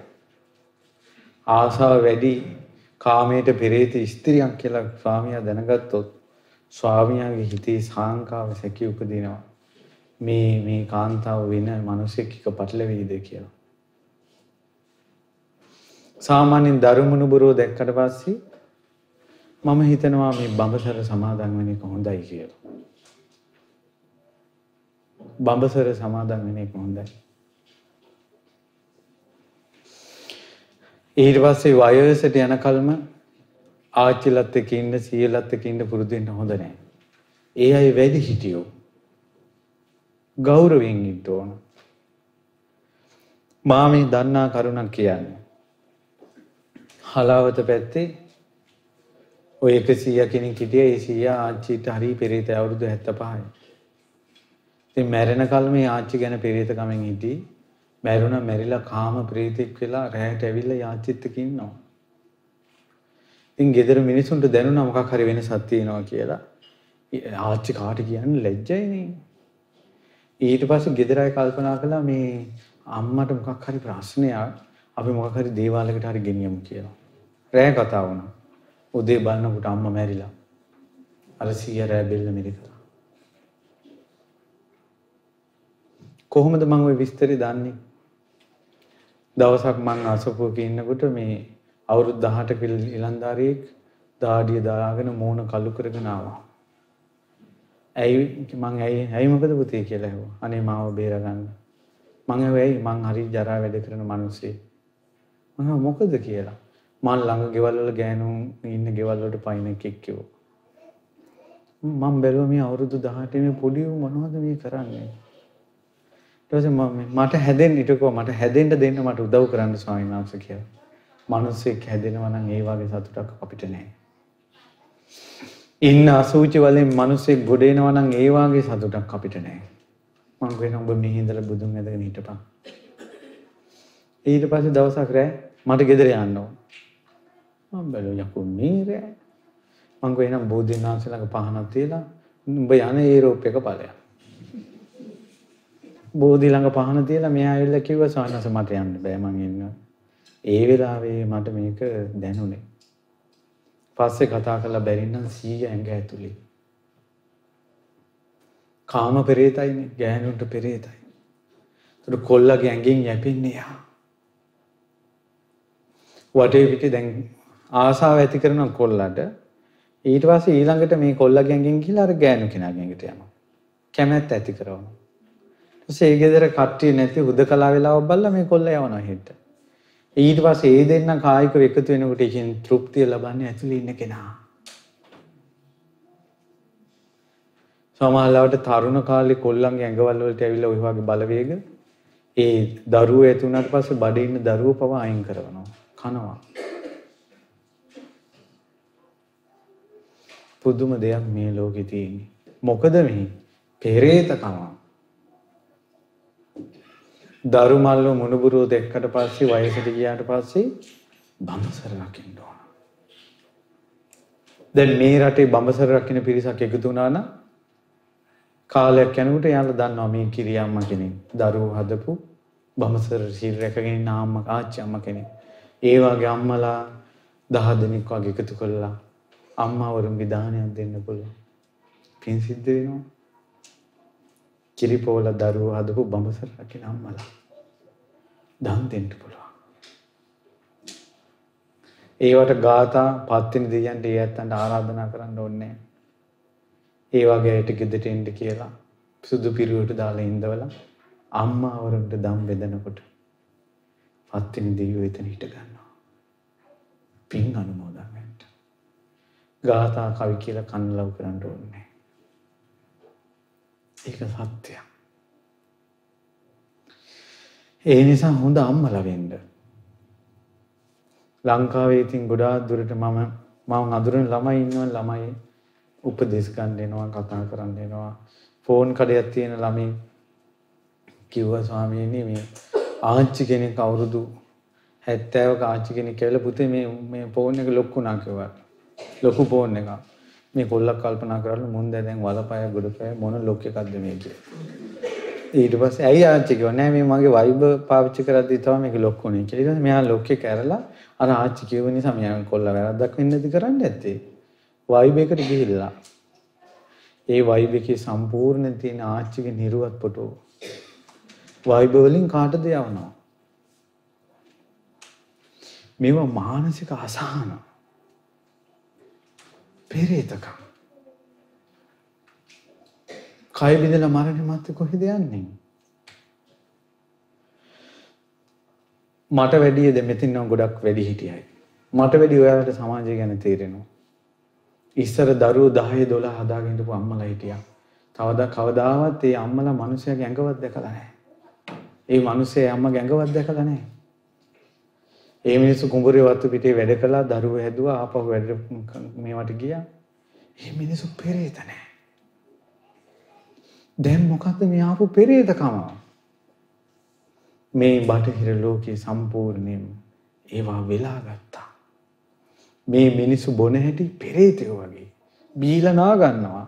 ඔහොමත් බීම නවත්තිනවද? ඒ මිනිසුන්ගේ හිත් මානසික නෑ. මානසික නෑ. හිත් වෙනස් වෙලා තියෙන්නේ. අනේ මේ බණ පදහන අහිංසක මිනිසුන්ට පුළුවන් නම් මේ ගුණධර්ම දිනු කරගන්න ලස්සන පිරිසක් බිහිවී බුදුරජාණන් වහන්සේගේ ශ්‍රාවකයෝ. මහාන වෙන්නත් බැරි වෙච්ච එකේ පැවිදි ජීවිතේ සම්පූර්ණ බඹසරත් එක්ක තියෙන්නේ. මහාන වෙන්නත් බැරි වෙච්ච එකේ දරුමල්ලු හදලා ගොඩාක් අවුරුදු 30 40ක් ගියේ එකේ අඩුම තරමේ අවසාන කාලේ බ්‍රහ්මචාරී වුණා. මැරෙන මිනිස්සුන්ට සිතිවිල්ලක්වත් එන්නේ නැහැ. ආ මේ මොන්දලා ආයෙ කසාද කරගනී කියලා. ඇයි එන්නේ නැත්තේ?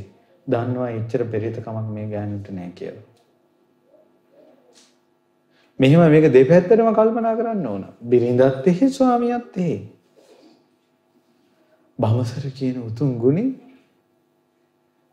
කෙනෙක් විවාහ වෙන්න කලින් කොල්ලෙක් කෙල්ලෙක් බ්‍රහ්මචාරී වෙනවා නම් සොඳුරුයි. බඹසර රකින්න බඹසරට ගොඩාක් ආසා. හැබැයි මතක තියාගන්න පුදුමයක්. මේ එංගලන්තයට ආවට පස්සේ මට ගොඩක් අය මුණ ගැහුණා බඹසර රකින්න. සමහර ජෝඩු මුණ ගැහුණා තරුණ දූල පුතාලා විවාහ වෙලා එක ගෙදර බ්‍රහ්මචාරීව ඉන්නවා මේ එංගලන්තේ. මේ ධර්මයේ මැරිලා නැහැ වෙනසිලා නැහැ. ගුණධර්ම වඩන අය මෙහි ඉන්නවා. ඒ නිසා විවාහ වුණ අයට පුළුවන් වුණොත් විවාහ වෙච්ච අයගේ උතුම්ම බඹසර තමයි. තමන්ගේ බිරිඳගෙන් පමණක් සතුටු වීම. ඔවුන් තව තවත් ඉහළට යනවා නම් පොයට අටසිල් සමාදන් වෙලා බඹසර රකින්න එක. තවත් ඉහළට යනවා නම් හතර පොය දිනම දකුණු කරගෙන කැලෙන්ඩරේ ඒ පොයවල් හතරට බ්‍රහ්මචාරීව ඉන්න පිරිසිදු ඉන්න දෙන්න දෙතැනක නිදා ගන්න. තවත් ඉහළට ගුණධර්ම දිනු කරන්න ඕන නම් තවක් කාලයක් ගියට පස්සේ සතිය තවක් කාලයක් ගියට පස්සේ මාස භාගේ තවස් කාලයක් ගියට පස්සේ මාසෙ දෙක තුන සමහරට මුළු වස් කාලේ හාමුදුරුවෝ කටිනට සූදානම් වෙන කාලේ වස් කාලේ. ඒ දෙන්න බ්‍රහ්මචාරී වෙලා. කොයිතරම් හොඳයිද. ලෝකෙට අඬ පිර ගහන්නේ ලෝකෙට පිරිසක් මැද අඬ ගහගෙන කියන්නේ අපි මෙහෙමයි කියලා. හිත ඇතුලේ මැණිකක් වගේ මෝරනවා. හඳුන් අරටුවක් වගේ මෝරනවා. ඇගේ බඹසර. බඹසර රැකීමේ ආනිසංසය තමයි යම්කිසි කොල්ලෙක් බඹසර රැකලා ඒ පින්බලෙන් ඒ බඹසර රැකපු පින්බලේ තියෙන කොල්ලා කොල්ලව අනාගතේ විවාහ වුණාට පස්සේ කවදාවත් ස්ත්‍රියගේ කීමට යටත් කරන්න බෑ. ඒ කියන්නේ ගෙදර අනිවාර්යෙන් මේ පිරිමියාව බලවත් වෙනවා. ගොඩාක් ස්ත්‍රීන්ගෙන් බැනුම් අහන ස්ත්‍රීන් නිසා පීඩාවට පත්වන පිරිමියක් නම් ඔවුන් ආපස්සට කල්පනා කරලා බලන්න. ඔවුන් ගොඩාක් බඹසර කඩාගෙන. ගොඩාක් නරක වැඩ කරලා. දිව්‍ය ලෝකේ ගියත් දෙවරු පවා හිස නමනවා කියන බ්‍රහ්මචාරී කෙනාට. ඒකයි. ඉතින් ඒ නිසා තරුණ ළමයි පුරුදු කරන්න විවාහ වෙච්ච අයත් පොයේ දවස්වලට මේ ගුණ පුරුදු කරන්න. ඊට පස්සේ වයසක අය මේ සීලී සමාදන් වෙන්න. මේ කියන්නේ අවුරුදු 16ක්. නකුල මහතා කියනවා අපි අවුරුදු 16ක් බ්‍රහ්මචාරීනේ. ඉතින් තාත්තා ඔයා දන්නවනේ. ඉතින් ඔයා බරක් ඇතුව මැරෙන්න එපා නකුල අම්මා වෙන විවාහය කියයි කියලා. බුදුරජාණන් වහන්සේ මේ කී කිව හිත හිතා මැරෙනවාට කරහනවා. ඔය කීක ආසාවල් බැඳින් එක මැරෙන්න එපා තාත්තා. එතකොට මේවා කියන්ට කඳුළු සලන් නැතුව ඒ අම්මගේ ධෛර්යය ඥානය. මේ අයගේ ප්‍රාර්ථනා කොහොමද? එකට ඉපදෙන්න කැමති එකම නෝනයි මහත්තයයි වෙන්න කැමති යන යන ලෝකේ එච්චර ආදරයක් තියෙන ජෝඩුවක් මේ බලන ආදරේ නැති අයද? අද කාලේ කියන්නේ මොකද්ද? මිනිස්සයා මැරෙනාට පස්සේ නෝන ඇඬුවේ නැත්තම් ඒකිට කිසි තෙත් ගතියක් නැහැ. අර අඬන්නේවත් නැහැ. ඕකිගේ මුසලකම තමයි මැරෙන්නේ කියනවා. මේ අපිට ඇහිලා තියෙනවා දැන් මම මේ හිතලා කියන්නේ ඇහිච්ච ඒවා කියන්නේ මල ගෙදරක ලොකුම ප්‍රශ්නයක් ගැඬුවේ නැත්තම් සතුටු වෙන්න එපා. ඒ ගෙදර මිනිස්සු ජීවිතේ පොඩ්ඩක් හරි තේරුම් ගන්න තියෙනවා කියලා. මල්ල ගෙදර කවුරු ඇඬුවේ නැත්තම් කයි කතන්දර. ඉතින් ඒ නිසා මල්ල ගෙදර කඳුන එක තමයි ලොකුම අපංගම කියලා තේරිලා දවසක් මාත් අපේ ගමේ මල්ල ගෙදරක් වෙච්ච වෙලාව බලා හිටිය ඇඬෙන්නෙම නැහැ. මම ඊට පස්සේ එහා පැත්තේ කුසියට ගිහලා රතු ලුණු ගෙඩියක් ඇහැට පොඩි කරගත්තා. ඊට පස්සේ දැන් ඇහැ රතු වෙලා එතන ඉන්නකොට අර මිනිස්සු මන් දිහා බලලා බලන්ට මේ පොඩි උමුත් අඬනවා කියලා අඬනවා. මට හරි වැඩ වෙලා තියෙන ඒ කාලේ. ඒ නිසා මේ හරි ලස්සනයි මේ මරණයේදී අවවාද දෙන විදිහ. සියාකෝ පනතේ ගහපති ඒව මාස. දැන් මේ විදිහට අවවාද දෙන්නේ ඇත්තටම තාත්තා මරණාසන්න වෙන්නේ. නකුල මාතා ගහපතානි මමච්චේන න දස්සන කාමා භවිස්සති භගවතෝ න දස්සන කාමා බික්කු සංඝාති. ඔයාට හිතෙන්න පුළුවන් මම මැරුණාට පස්සේ මේ ගෙවල් දොරවල් වල කරදර වැඩිනේ. මුන්දට බණ පදයක්වත් අහන්න පන්සලට යන්න සිල් ගන්න බැරි වෙයි. මම මැරුණාට පස්සේ මේ වැඩත් එක්ක මුන්දට ධර්මයේ හැසෙන එක කරගන්න බැරි වෙයි. අනේ තාත්තා එහෙම හිතන්න එපා. එහෙම හිතන්න එපා. අහං හි ගහපති ත්වච්ඡේන දස්සන කාමාතරාචේ භවිස්සාමි ගමේ භගවතෝ දස්සන කාමතරාච බික්කු සංගස්ස මම ඔයා හිටියටත් වැඩිය නිතර නිතර යන්න ගන්නවා විහිරට මම සංඝය ඇසුරු කරනවා ඒ නිසා තාත්තා ආසාවෙන් මේවා ගැන හිත හිතා බැඳීම් එක මැරෙන්න එපා බැඳීම් නැතුව මැරෙන්න සියාකෝ ওই තුන්වෙනි කාරණාව හතරවෙනි කාරණාව සියාකෝ පනතේ ගහපතිය මාස ඔබට මෙහෙම හිතෙන්න පුළුවන්. න නකුල මාතා ගහපතානි මමච්චේන සීලේසු පරිපූර පරිපූරකාරිනීති. ඔබට හිතෙන්න පුළුවන් මම මැරුණාට පස්සේ අපේ නකුල අම්මාට හොඳට සිල් ගුණ දන් වඩන්න බැරි වෙයි ඉහළට දියුණු කරගන්න බැරි වෙයි. ඇයි මේ වැඩත් එක්කයි දරුවන්ගේ වැඩයි ගෙවල් වල වැඩයි ඒක හරියට සීලයක්වත් රකින්නේ කොහොමද කියලා හිතෙන්න පුළුවන්. අනේ එහෙම හිතන්න එපා. තාත්තා යාවතාකෝ ගහපති තස්ස භගවතෝ ශාවිකා ගිහි ඕදාත වාසන වසනා සීලේසු පරිපූර්ණකාරිනියෝ බුදුරජාණන් වහන්සේගේ ශ්‍රාවිකාව ඉන්නවා නම් සුදු ඇඳගත්ත ගිහි උපාසිකාවෝ.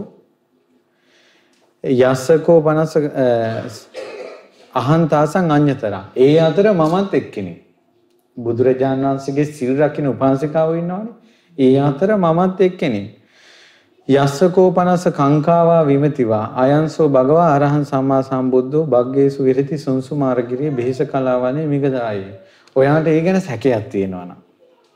නකුල අම්මගේ සීලය හොඳට පිරිපිරි යනවද නැද්ද දන්නේ නැහැ කියලා ඔයාට සැකයක් තියෙනවා නම් අං අන්න භාග්‍යතුනාසේ සුන්සුමාරගිරිය වැඩි ඉන්නවා. ඔයා අහන්න. මේ නකුල අම්මා හොඳට සිල් රකින්නවද නැද්ද කියලා. බුදුරජාණන් වහන්සේගෙන් අහලා දැනගන්න පුළුවන්. තාත්තා ඕවා හිත හිත ඉන්න එපා. හිත සැහැල්ලු කරගන්න. බරක් ගන්න එපා. යන ලෝකෙට කරපු කුසල් පිනත් එක්ක යන්න. බැඳීම් එක්ක යන්න එපා. ඉතින් තාත්තා ගහපතිතුමා නකුල තාත්තා අහගෙන ඉන්නවා. ඊළඟට කියනවා සියාකෝපනතේ ගහපති ඒවමස්ස න නකුල මහතා ගහ දැන් මේකෙන් නිතර නිතර මේකෙන් අර නකුල අම්මා ගැනම කියනවනේ. ඇයි ඒ? නකුල අම්මා දැනගත්තා තාත්තා ගොඩාක් ආදරේ කාටද? අම්මට. අම්මට තමයි ගොඩාක් ආදරේ. ඊට පස්සේ ওই විදිහම සිද්ධියක් වුණා මේ තව එක්තරා ගෘහපතියෙකුට ඒ කෙනා මේ ලෙඩ වෙලා හිටියා. එයා තාත්තට කිව්වා තාත්තේ තාත්තට කරදරයක් නැත්නම් බුදුරජාණන් වහන්සේ ළඟට ගිහිල්ලා වැඳලා කියන්න පුතාට හොඳටම අසනීපයි කියලා. භාග්‍යතුන් වහන්සේට කරදරයක් නැත්නම් වඩින්න කියන්න. ඉතින් මේ තාත්තා ගිහිල්ලා කිව්වා බුදුරජාණන් වහන්සේ ඇත්තටම වැඩියා. වෙල්ලා බුදුරජාණන් වහන්සේ වදාලා අපේ ජීවිතේට තියෙන ලොකුම ආරක්ෂාව මේ බුදුරජාණන් වහන්සේ ගැන අවිච්ඡ ප්‍රසාදී ධර්මයේ අවිච්ඡ ප්‍රසාදී සංඝයා ගැන අවිච්ඡ ප්‍රසාදී කඩන්න නැතිව රකින්න පංචශීලී.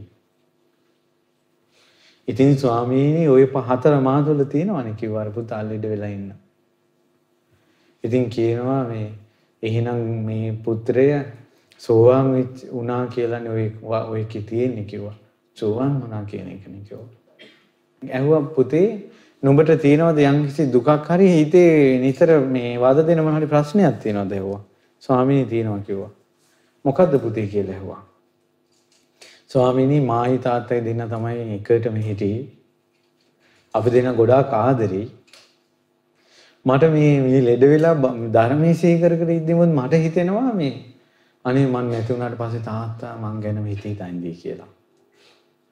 තාත්තා ළඟ ඉඳලා කිව්වා පුතේ ඕවා හිත හිත ඉන්න එපා. මම යසට ඉන්නව නෙමේ. ඔබ දැන් හිතන්න බුදුරජාණන් වහන්සේ කියන දේ. කොහොමද ධර්මයේ දන්න අයගේ වටිනාකම. බුදුරජාණන් වහන්සේ ලස්සනට අනිත්‍ය ගැන කිව්වා අහගෙන හිටියා. සෙත් පතලා බුදුරජාණන් වහන්සේ වැඩියා ටික වෙලාවකින් දරුවා මැරුණා. සංඝයා ඇහුවා අර ගෘහපතිය කොහෙද ගියේ කියලා. අනාගාමීලා බ්‍රහ්ම ලෝකේ. ඔය ලෙඩ වෙලා මරණාසන්න වෙලා ඉන්න අය කතා කරද්දී අන්න ලෙඩ ඇඳේ ඉද්දිමුත් අපි ගැන කතා කරන්නේ කොච්චර ආදරයක්ද කියලා සතුටු වෙන්න එපා. ලෙඩ ඇඳේ ඉඳලත් වයසක වෙලත් දූලා පුතාලා ගැන නම් හිතා ඉන්නේ ඒවා ගැන සතුටු වෙන්න එපා.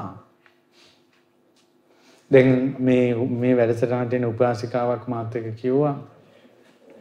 එයාගේ තාත්තා මොනබුරා වෙන රටකට ගියා කියලා දැන් තාත්තා අර මුණුබුරා ගෙනම කී කිය හිත හිතා ඉන්නවා. දැන් තාත්තාට ෂොක් වෙලා වගේ.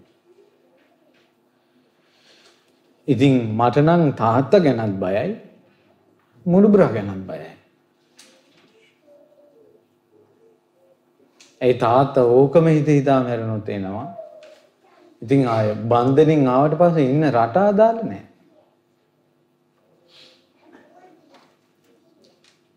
බැඳෙන්න එපා කියන්නේ ඒකයි. මේ බලන්න ධර්මයේ දන්න අයගේ ප්‍රාර්ථනාව තියෙනවා යන ලෝකෙක එකතු වෙන්න ඕන කියලා. මරණයේදී ඒව දාන්නේ නැහැ ඔළුවට. හරි භයානකයි. තාත්තා ලෙඩ ඇඳේ ඉඳින් හුස්ම හදිනවා. දුව ඇවිල්ලා අඬ අඬා කිව්වා තාත්තේ යන්න එපා.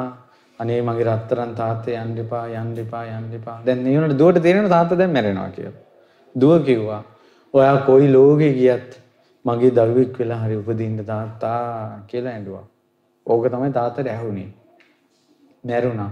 තාත්තා ඉපදුනේ රීරියකෙක් වෙලා. රීරියකා කියන්නේ ඔහුගේ ආහාරය ලේ. ඔහු මෙහෙම කෙනෙක්. ස්පොන්ච් එකක් අරගෙන වතුර තියෙන තැනට තිබ්බට පස්සේ මොකද වෙන්නේ? වතුර ටික උරනවා. ඒ යක්ෂයාගේ ස්වභාවය තමයි යම්කිසි මිනිස්සෙක් වැළඳ ගත්තට පස්සේ ඒ මිනිස්සගේ ලේ ටික ඔහුට උරනවා.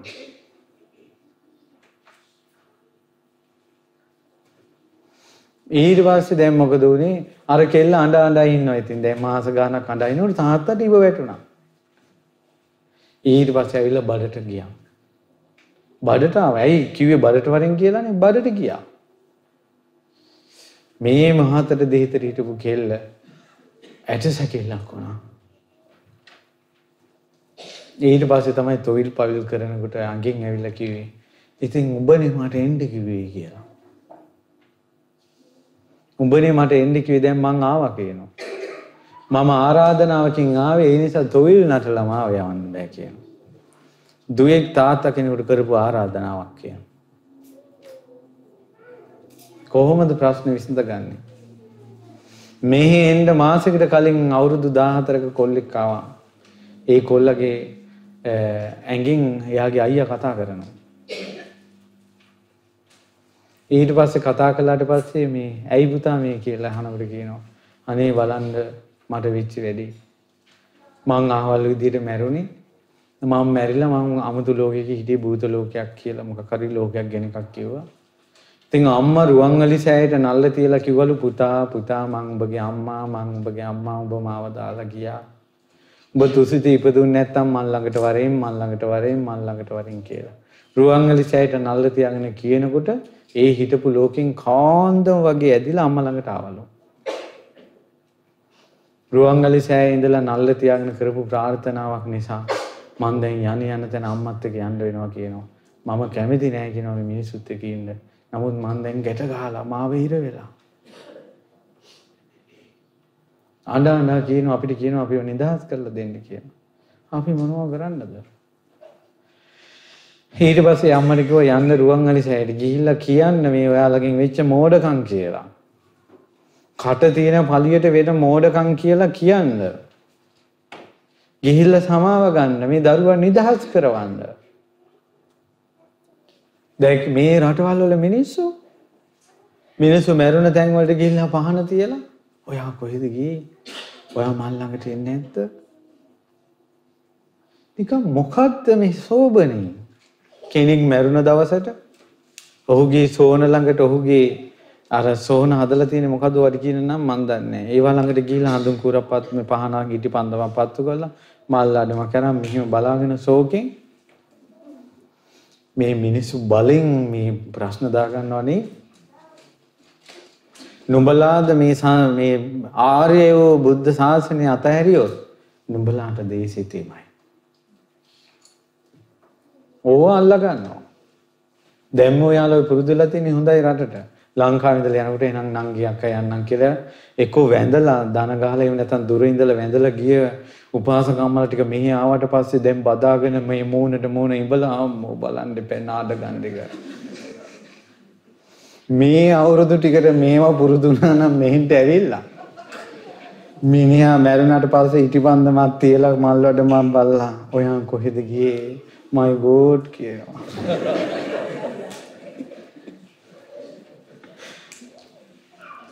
ඉතින් නුඹලා බේරා ගැනීම පිණිසයි මම මේ කියන්නේ. ආගෙන ප්‍රශ්න. පැහැදිලි නේද? කියන දේක් මැරෙන්න කලින් කියන්න ඕන. දැන් මේ අම්මා කියන්නේ. කියලා ඒවා විසඳගෙන තියාගන්න ඕන. කියනවා මෙහෙමත් හිතන්න එපා කියනවා. නකුල මාතා ගහපතානි ලාභීනි අජ්ජතං චේතෝස් න නකුල මාතා ගහපතානි ලාභීනි අජ්ජතං චේතෝ සමතං ඔයා මේව හිතන්න එපා අනේ මම මැරුණාට පස්සේ අපේ උන්දට බණක් භාවනාවක් කරගන්න බැරි වෙයි. ඇයි දැන් මිනිස්සයත් නැහැ. දරුවන්ගේ වැඩයි ඔක්කොම වැඩේ බණක් භාවනාවක් කරගන්න බැරි වෙයි කියලා හිතන්න එපා. ඔයා ගිහිල්ලා අහන්න සොන්සුමාර ගිරේ මගේ බුදුරජාන් වහන්සේ වැඩ ඉන්නවා.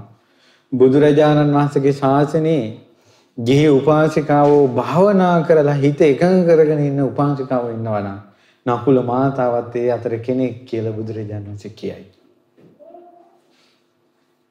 බුදු කෙනෙක් සාක්ෂියට තියෙනවා. ඒ නිසා ඔයා මේ එක එකව හිත හිතා මැරිලා හිතට බරක් ගන්න එපා තාත්තා. ඔයා සැහැල්ලු වෙන්න. ඔයා හැම දෙයක්ම අතහැරපු හිතෙන් මැරෙන්න. හරි ලස්සනයි මේ මේවත් වෙනවා ඇති පින්වත්නි. මේ වෙනවා ඇති. මම නම් හිතන්නේ මේ දැන් මොකද මම මේ මිනිසුත් එක්ක කතා කරලා මේ දහම් චාරිකාවේ යන ගමනින් ලබන්න තියෙන අත්දැකීම් එක දවසින් දවස ප්‍රත්‍යක්ෂ වෙනවා. ಗುಣධර්ම මත මිනිස්සු ඉන්නවා. මේ ලෝකේ ಗುಣධර්ම අතහැරපු අය නැහැ. මිනිසුන්ගේ මොනවා මොන හරි ಗುಣධර්ම තියෙනවා.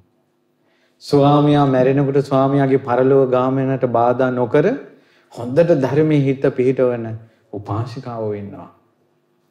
බිරිඳගේ මරණයේදී ඈට ධර්මයේ කියලා දීලා ඒ ඈ සුගතියකට යවන ස්වාමිවරු ඉන්නවා.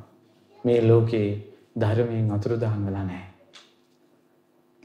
සියාකෝ පනතේ ගහපති යෝමංස න නකුල මාතා ගහපතා නිමාස ධම්ම විනී යෝගහදප්පත්තා පතිගහදප්පත්තා.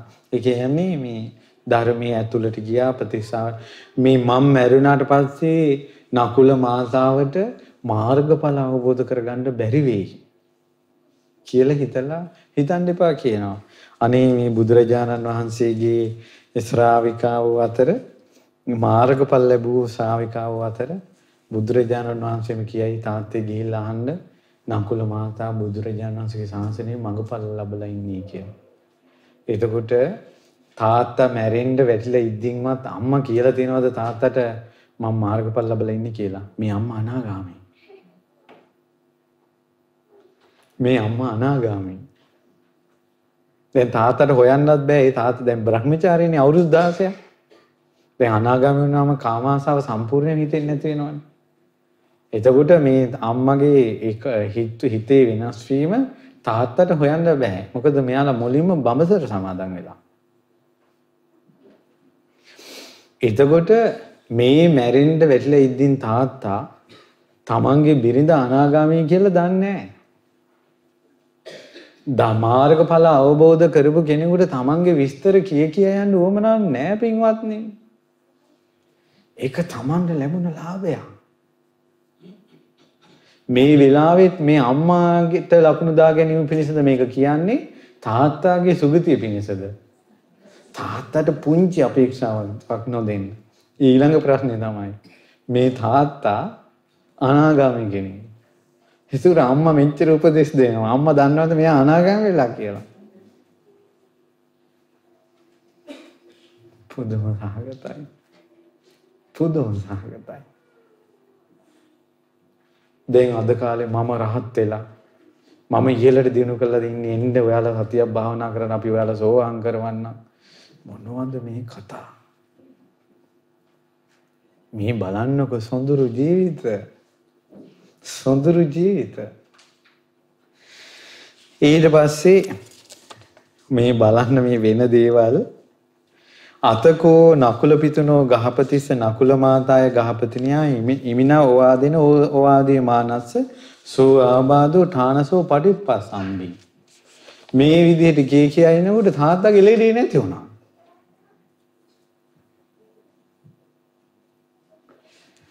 උට්ටාහිච නකුල පිතා ගහපති තම්මහා බාධා. තමන්ගේ ලෙඩේ සුව වුණ නකුල තාත්තා. තතා පහිනෝච පන්න නකුල පිතුණු ගහපතිස සෝ ආබාධව හෝසොයිති මැරෙන කල් ආය ලෙඩෙන්නේ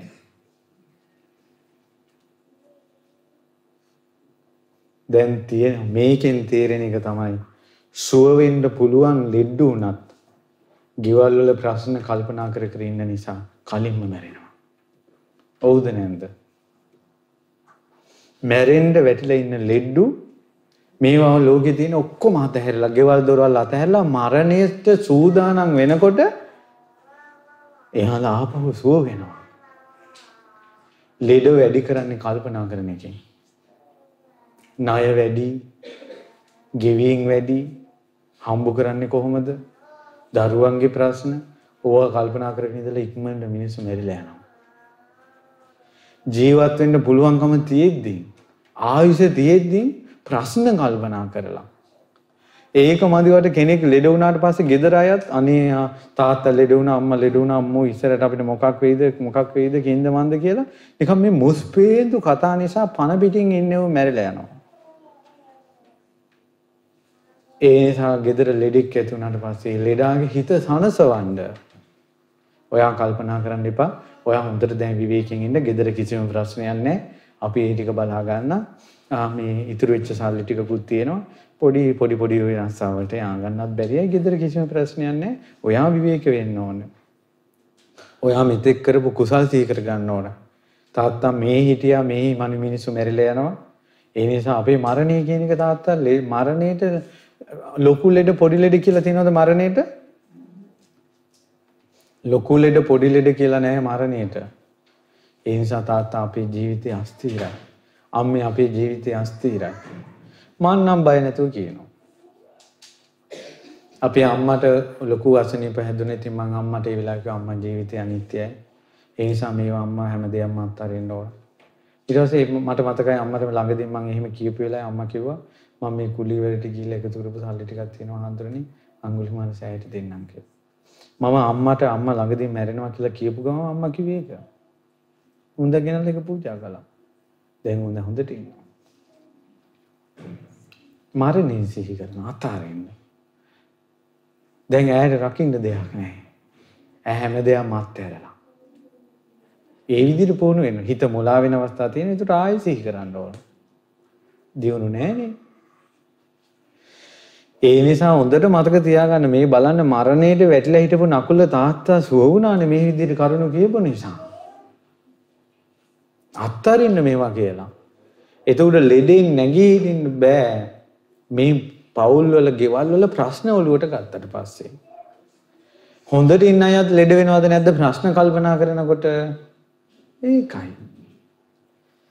ඊට පස්සේ අනිත ගෙවිලේ අවසානයේ මොන ප්‍රශ්නේ ආවත් මොන ප්‍රශ්නේ ආවත් අපිට එන්න තියෙන ලොකුම ප්‍රශ්නේ මොකක්ද අවසානයේ කියන්න?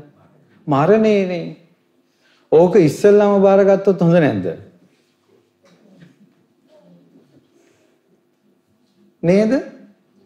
අවසානයේට මොකක් හරි වෙලා වෙන්න තියෙනව මරණයනේ. ඒක මුලින්ම බාරගත්තා නම් ඉවරයි. ඒ නිසා අපි හිතෙන් හදා ගන්නවා ලෙඩ වුණාට ගමන් මම මැරෙන්න පුළුවන්. අනිත් එක දැන් ඔය ඔයාලට වුණත් කල්පනා කරන්න කාරණයක් තමයි මරණය කියන එක ඕන වෙලාවක ඕනම කෙනෙකුට එන්න පුළුවන්. එතකොට මේව පච කියලත් බෑනේ දැන් ලෙඩ ඇඳ ඉන්න කෙනාට. මොකාක්වත් කරන්නේ නැතුව හරියට මේ බතක්වත් උයාගන්න බැති බවලතේ මහත්තයට කියන ඔයා කිසි දෙයකට බය වෙන්න එපා. නැති වෙච්ච ගමන් මම මේ ඔක්කොම ටික දන්න සෙල්ලම් ඔක්කොම දානවා. එදින මහත්තයා දන්නවා මේකිට තේකක්වත් හදාගන්න බෑ කියලා. එයාගේ ඔළුව අවුල් වෙනවා ඊට පස්සේ. ඒ නිසා කාන්තාවක් වුණත් මොන හරි දෙයකට දක්ෂ වෙන්න. අඩුම තරමේ කොකිස් ටිකක්වත් හදන්න. ඒකර ලෙඩ ඇඳ ඉන්න කෙනාට කියන්න පුළුවන්. ඔයා දන්නවනේ මම හදන කොකිස්. ඒ නිසා මම ලංකාවේ කට්ටියන්ට කොකිස් විකුණලා හරි දරුවෝ ටික හදා ගන්නවා කියලා. කිව්වා මහත්තයාට හිතන ඇත්ත තමයි මේකේ කොකිස් කෑවොත් නම් ආයෙ මිනිස්සු දිගටම ගන්නවා කියලා. එතකොට මේකෙන් තේරෙන්නේ අම්මා වගේ කිය යුතු කෙනෙක් වෙන්න ඕන. ඒ කියන්නේ තාත්තා නැති වුණත් පවුල පවුලේ බර ගෙනියන්න පුළුවන්. කෙනෙක් වෙන්න ඕන. ඈ සිල්වත් වෙන්න ඕන. ඊළඟට තමයි මේ තාත්තලත් කල්පනා කරන්න ඕන මම මැරුණොත් නෝනට බරක් නැතුව මේ දරුවෝ ටික නඩත්තු කරගෙන යන්න ක්‍රමයක් හදන්න ඕන. ඒක ඔයාලා පොඩ්ඩක් බලන්න. පවුලේ බර ගෙනියන කෙනා අම්මා නම් පවුලේ බර ගෙනියන්නේ මේ රටවල් වලට ආවට පස්සේ සමහර වෙලාවට එක එක ප්‍රශ්න එනවා. ආවට පස්සේ පවුල බර සමහර වෙලාවට අම්මට ගන්න වෙනවා. ඒ වගේ වෙලාවක අම්මත් කල්පනා කරන්න ඕන මම නැති වුණොත් එහෙම මේ බර තාත්තට එන්න බෑ. තාත්තත් කල්පනා කරන්න ඕන මම නැති වුණොත් එහෙම මේ බර අම්මට එන්න බෑ කියලා එයාලට අනාගතේ යැපෙන්න ක්‍රමයක් හදලා තියන්න ඕන.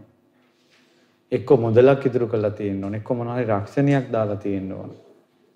කල්පනා කරන්න. ඒක අනිත් එක මෙහෙම එකක් තියෙනවා. අපි කියමු මොකක්වත් නැහැ කියලා. සුනාමිය ඇවිල්ලා ගෙදර ඔක්කොම මැරිලා එක දරුවා විතරක් ඉතුරු වුණා. මේ මිනිස්සු දැන් මැරිලාද? කියන්නේ ඒ ඉතුරු වෙච්ච දරුවා දැන් ඉන්නවද නැද්ද? ඉන්නවනේ. ස්වාමියා මැරිලා බිරිඳ විතරක් ඉතුරු වුණා. ඒ මිනිස්සු මැරුණාද ඉන්නවද? ඉන්නවනේ. ඒ නිසා මේ ලෝකයේ පින්වත්නි අපි මැරුණාට පස්සේ පවුලක් කඩා වැටෙනවා කියලා එකක් නැහැ.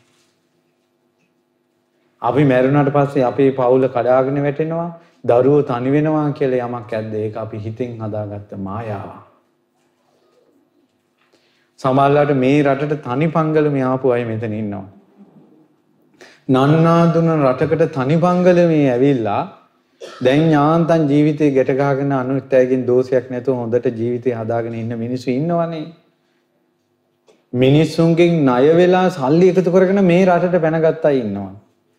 දැන් අනිත් අයට අත නොපා ණයත් ගෙවාගෙන තමන්ගේ ජීවිතේ හදාගෙනත් මිනිස්සු ඉන්නවනේ. ඒ නිසා මේ මිනිස්සු මහා පාරට වැටෙනවා හිඟන්න වෙනවා කියලා එකක් නැහැ. ඒ නිසා ඇත්තටම තමන්ගේ මරණයේදී පවුල ගැන හිතන්න දෙයක් නැහැ. ඒ මිනිස්සු කොහොම හරි ජීවත් වෙනවා. දැන් ඔයාලා සත්පුරුෂ ඇසුරකට වැටිලා. ඒ වැටිලා අපි කියමුකෝ ඔයාලගෙන් එක්කෙනෙක් මැරුණා. ඊට පස්සේ මේ අනිත් මිනිස්සු යාව එහෙම තනි කරලා හිඟමනට යනකල් මිනිස්සු බලා ඉන්නේ නැහැ. අපේ මිනිස්සුන්ගේ තවම කරුණාව මෛත්‍රිය දන් දීම තියෙනවා. දැන් අර ළඟදීන් ටීවී එකෙන් පෙන්ලා තිනවා දුප්පත් ගෙදරක මේ ගෙදරක් ගැන. පව්වදා වෙනකොට මිනිස්සු 10 15 දෙනෙක් ඒ ගෙදර හදන්න ඉදිරිපත් වෙනවා. අපේ මිනිස්සුන්ට උනේ අපේ මිනිස්සු හොරුන්ගෙන් බැට කෑවා. ඒ නිසා මිනිස්සුන්ගේ දාන චිත්ත ඉදිරියට අර හොරුන්ගේ ප්‍රහාරේ වදිනවා. යම් මිනිසෙකුට Taman උදව් කරන්න යන කෙනාගේ අනන්‍යතාවයේ තහවුරුයි නම් ඕන තරම් වියදම් කරලා අපේ මිනිස්සු උදව් කරන්න කැමතියි. අපේ මිනිස්සු මේ කුණ ලෝභ මිනිස්සු නෑ මේ ආර්ය සිංහල ජාතිය. විශේෂයෙන් මේ විදේශ රටවල ඉන්න මිනිස්සු ගොඩක් පරිත්‍යාගශීලී. ගොඩක් ලංකාවේ ගොඩක් කටයුතු හැම වේර විහාර හැම තැනම කටයුතු වලදී අනිවාර්යෙන් විදේශීය මිනිසුන්ගේ ආධාර උපකාර මැදිහත් වීම තියෙනවානේ. ඒ නිසා එහෙම මිනිස්සු මේ හිඟමනකට වැටෙනකල් බලාගෙන ඉන්නේ මම මේවා කියන්නේ. Tamange හිත තුලට ඒවා දාගෙන තියෙන්න ඕන. නැත්තම් හැමදාම මෝඩ අදහසක ඉන්නවා මම මැරුණොත් එහෙම මේ මිනිසුන්ට යන කලදසාව මොකද්ද කියලා. එහෙම එකක් නැහැ. ඒ මිනිස්සු ජීවත් වෙයි. මතක තියාගන්න ලෙඩක දුකක අසනීපයකදී ප්‍රශ්න කල්පනා කිරීම කියන්නේ ලෙඩේ වැඩි වෙනවා. ලෙඩ පිළිකාවක් ලෙඩක් වුණත් එහෙම තමයි. පිළිකාවක් හැදිච්ච ගමන් එයා මානසික වැටිලා මේ ලෝකේ තියෙන එකම ලෙඩේ මට හැදිලා තියෙන්නේ. ඒ මිනිස්සයා කල්පනා කළා නම් මේ ලෙඩේ පිළිකා හැදිච්ච කී දෙනෙක් ඉන්නවද? සුව වෙන අයත් ඉන්නවා මැරෙන අයත් ඉන්නවා. ඒකට හොඳටම සමහර අය පිළිකා හැදලා සුව වෙනවානේ. ඒ යාගේ පිනනේ. සමහර අය මැරෙනවානේ. ඒ අඩු වයසින් මැරීමනේ. අනිත් එක අපගේ මරණය මොන ආකාරයෙන් හරි සිද්ධ වෙනවද නැද්ද? මොන ආකාරයකින් හරි සිද්ධ වෙනවා. පින්වත්නි කාම ලෝකෙට බර වෙන්න එපා හිත. ධර්මයට බර වෙන්න. ඇයි මං එහෙම කිව්වේ? මගේ බුදුරජාණන් වහන්සේ උපමාවක් හදාලා. බුදුරජාණන් වහන්සේ අහනවා මහානාම ගහක් එක පැත්තකට බර වෙලා තියෙද්දි ඒ ගහ කැපුවට පස්සේ මොකද වෙන්නේ කියලා අහනවා. මොකද වෙන්නේ? කොයි පැත්තටද? චේන්සෝ එකකින් කැපුවොත් කොයි පැත්තටද වැටෙන්නේ? පොරවෙන් කැපුවොත් පීයකින් කැපුවොත් අවුරුදු ගානක් හරි මේ බ්ලේඩ් එකකින් හරි කැපුවත් කොහෙද වැටෙන්නේ? හිත බර පැත්තට තමයි වැටෙන්නේ. මොන ලෙඩෙන් මැරුණත්, ඇක්සිඩන්ට් එකකින් මැරුණත්, ඉස්පිරිතාලෙදී මැරුණත්, පී ඇනුමක් කාලා මැරුණත්, පිළිකාවක් හදලා මැරුණත්, වයස ගිහිලා මැරුණත් ඉපදෙන්නේ හිත බර පැත්ත. දැන් කවුරු හරි කියනවනම් ඔයාලා නම් මේ බන දහමට බර වැඩි කියලා කියනවනම් එයා හිතෙන් අහිංසක සතුටක් වෙන්න ඕන. නැද්ද? ඔයාගේ හිත බර වැඩි මේ පැත්ත. දැන් බලන්න කාමයට මගේ හිත බර වැඩිද කියලා. තමන්ගේ හිත බරපැත්ත හොයන්න පුළුවන්. දැන් අපි කියමු කෙනෙක් YouTube මේ පාවිච්චි කරනවා නිතර කියලා. එයාගේ හිත බරපැත්තට ඒකෙන් හොයන්න පුළුවන්. මොකද එයා වැඩිපුර බලන වීඩියෝස් මොකද්ද කියලා බලලා එයාගේ හිත බරපැත්ත හොයන්න පුළුවන්. ඒකයි. වැඩිපුරම තියෙන්නේ එයාගේ හිතේ නරක නරක වීඩියෝ නම් බලන්න එයාගේ හිත ගොඩාක් බර කාමයට. එයා වැළුණාට පස්සේ කාම ලෝකෙ ඉක්මවන්නේ නැහැ. ජරා ලෝකෙ මෙයා උපදිනවා. එයා මිනි මැරුන් තාක්ෂ මේ තාක්ෂ ජනක බය හිතෙන එහෙම නැත්තම් ওই භූත කතා ඔයගේ දේවල් නම් නිතර බලන්නේ එයා গুপ্ত චරිතයක්. එයා මැරුණට පස්සේ භූත ලෝකෙට වැටෙන ප්‍රවණතාවයේදී කුණුහරුපණම් ඕපදූපණම් එයාගේ හිත ඕපදූප වලට වැඩි. දේශපාලනේ නම් තමන් බලන්නේ වැඩිපුරම බන නම් අහන්නේ බන නම් එයාගේ හිත දහමට බරයි. ඔහුගේ මරණය මොන ආකාරයෙන් වුණත් හිත බර පැත්තේ උපදිනවා. ඒව ගැන කල්පනා කරන්න දරුවන්ට කියලා දෙන්න. ඉතින් දැන් ඔන්න ওই විදිහට තමයි කිව්වේ. දැන් ඔන්න හොඳටම ලෙඩේ සනීප වුණානේ. දැන් බලමු මොකද වෙන්නේ කියලා. තව තියෙන ඉවර නෑ. අතකෝ නකුල පිතා ගහපති ගිලානා වුට්ටිතෝ අචර වුට්ටිතෝ ගෙහෙලඤ්ඤ. ඔන්න ලෙඩෙන් සුව වුණම තාත්තා ටික දොහක් හිටිය ටිකක් විවේකයෙන්. දණ්ඩ මෝ දණ්ඩ මෝලුබ්භයේන භගවතේන උපසංකමී. දණ්ඩ මෝලුබ්භ කියන්නේ හැරමිටියක් අරගෙන. ඒ කියන්නේ දැන් හොඳටම වයසයි. හැරමිටියක් අරගෙන හැරමිටිය වාරුවෙන් බුදුරජාණන් වහන්සේ ළඟට ගියා. උපසම්කමිත්වා භගවන්තං අභිවාදිත්වා ඒකමන්තං නිසීදී. වන්දනා කළා. ළඟ පොඩි තිබ්බා ඉඳ ගන්න තැනක් ඒකින්ද ගත්තා. පුදුමයි තින්නේ. ඉස්සෙල්ලාම මගේ පුතා කියලා ආපු කෙනා නෙමෙයි. ඒකපන්තන් නිසින්නංකෝ නකුල පිතරං ගහපතින් භගවායි තදවච. මේ මීටපු නකල පිති ගෘහපතියාට භාග්‍යතුන් වහන්සේ මෙසේ වදාලා. ලාභාතේ ගහපති ගෘහපතිය නුඹට මහා ලාභයක්. සුලද්දන්තේ ගෘහපති ඔබට මහා මනා ලැබීමක්. යස්සතේ නකුල මාතා ගහපතානි අනුකම්පිකා අත්තකාමා ඕවාදිකා අනුශාසිකා ඔයාට අවවාද කරන්න නකුල අම්මා ඉන්නවනේ. අනුශාසනා කරන්න අවවාද කරන්න ඊළඟට ඔයාගේ දියුණුව කැමැත්තෙන් නකුල අම්මා ඉන්න එක ඔයාට කොච්චර ලාභයක්ද තාත්තා? කවුද මේ කියන්නේ? බුදුරජාණන් වහන්සේ. යාවතාකෝ ගහපති මම ශාවිකා ගී ඕදාත වාසනා ඕදාත වසනා සීලේසු පරිපූර්ණකාරිනෝ මගේ ගිහි ශ්‍රාවිකාව ඉන්නවා නම් සිල් පරිපූර්ණ කරගත්ත. හොඳටම සිල් රකින්න උපාසිකාව අතර නකුල අම්මයි කෙනෙක්. බුදුරජාණන් වහන්සේගේ ශ්‍රාවිකාව ඉන්නවා නම් හොඳට බණ භාවනා කරලා හිත එකඟ කරගෙන සමාධි සමාපatti ලබන ගිහි මිනිස්සු ඉන්නවා නම් ওই නකුල අම්මා ඒ අතර කෙනෙක් කියෝ. අර නකුල අම්මා එදා තාත්තාට කියපු දේ නේද මේ කියන්නේ? අහන්නත් කලින් කියනවද නැද්ද? මගේ බුදුරජාණන් වහන්සේට කෙනෙක් වඳිනකොට එයා එන්න කලින් ගෙවල් වල කතා වෙච්ච ඒවත් දන්නවා. ඒකයි මං කියන්නේ රුවන්වැලි සෑයට ගිහිල්ලා මලක් පහනක් පුදනකොට පුදලා වැල් වටාහරන් කියවන්න දෙයක් නැහැ. භාග්‍යතුන් වහන්සේ ළඟ පහන් පහන පත්තු කළා මල් වට්ටිය තියලා වැඳලා ඉඳ ගන්නකොටම බුදුරජාණන් වහන්සේ අපේ මුළු ජීවිත කතාවම දන්නවා. ඔව්ද නැද්ද? Taman සාධාරණයිද අසාධාරණයිද? මගේ හිතේ තුල තියෙන ප්‍රාර්ථනාව මොකද්ද? ඒක ඉෂ්ට වෙනවද නැද්ද? එක්කොම බුදුරජාණන් වහන්සේ දන්නවා. මම නම් ඒ නිසා හරි ආසයි රුවන්වැලි සෑයට ගිහිල්ලා වඳින්න. මගේ අඩුපාඩුකමුත් බුදුරජාණන් වහන්සේ දකිනවා. මට තියෙන උවමනාවත් බුදුරජාණන් වහන්සේ දකිනවා. ඊළඟට මම පත් වෙලා තියෙන අපහසුතාව තියෙනවා නම් ඒවත් බුදුරජාණන් වහන්සේ දකිනවා.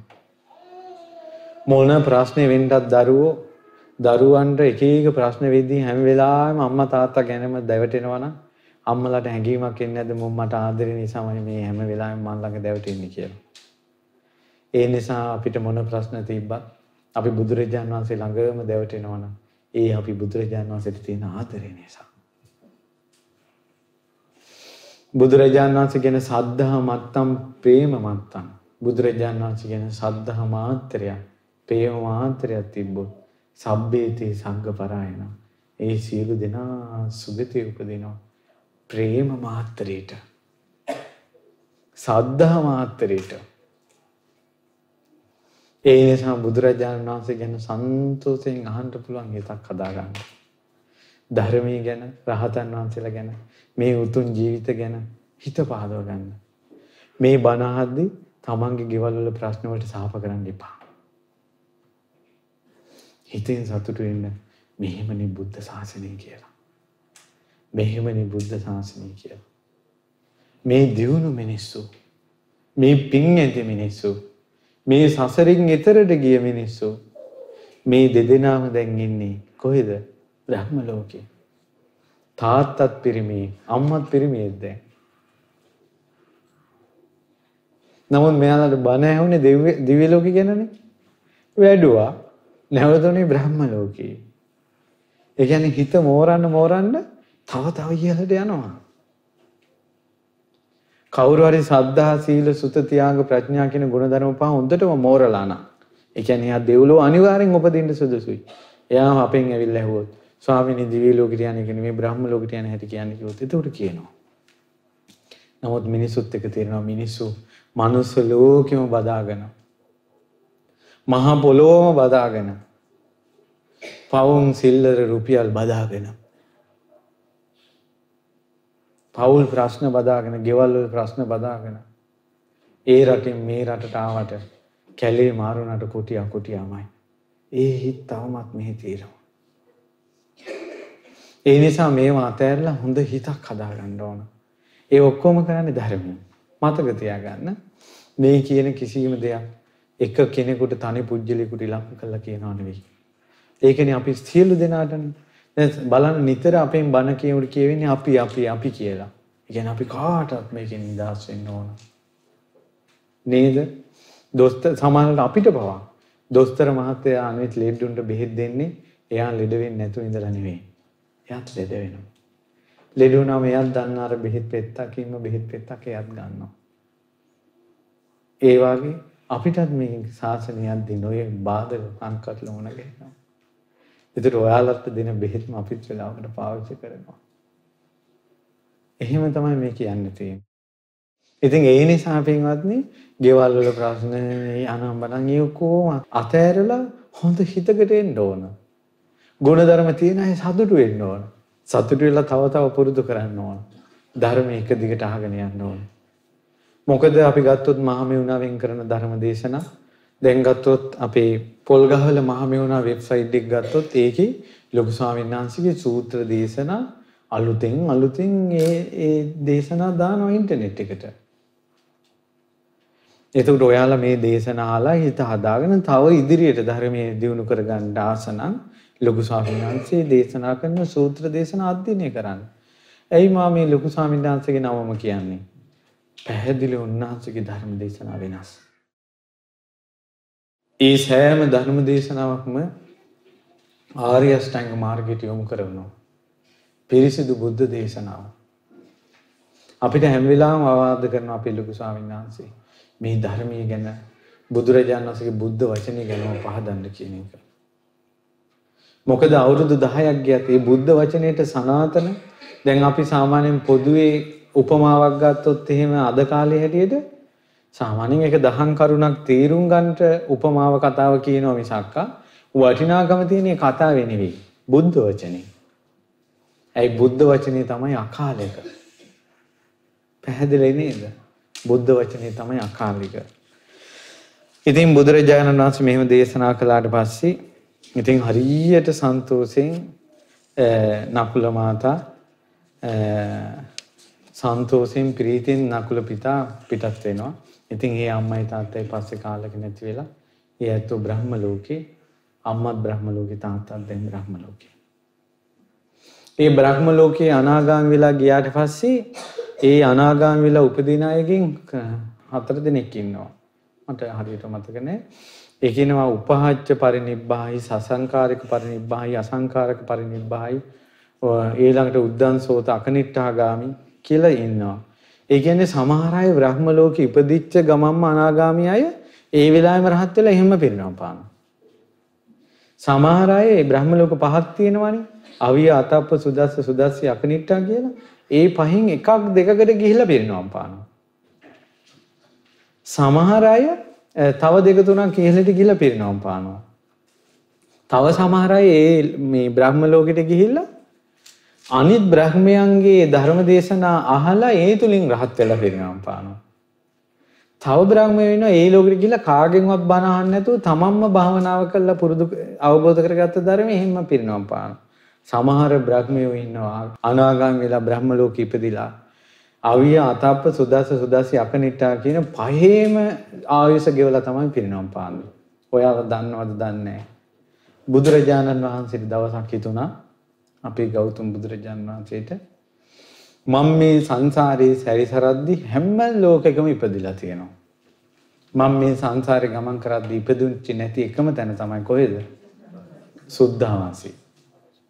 අනිත් බ්‍රහ්ම ලෝකවල ඉපදිලා තියෙනවා. සුද්ධ අවිය අතප්ප සුදස්ස සුදස්සි අකනිට්ටා කියන පහේ ඉපදිලා නැහැ. ඇයි ඒක ඉපදෙන්නේ අනාගාමීයයි විතරයි. ඒ නිසා බුදුරජාණන් වහන්සේ සුන්සුමාරගිරින් අතරදහන් වෙලා අවිය ලෝකෙ ගිහිල්ලා පහළ වුණා. අවිය ලෝකෙ ගිහිල්ලා පහළ වෙච්ච ගමන් ඒ බ්‍රහ්ම රාජවරු ඇවිල්ලා වැඳලා කිව්වා ස්වාමීනි මම විපස්සී බුදුරජාණන් වහන්සේ කාලේ අනාගාමී වෙච්ච කෙනෙක්.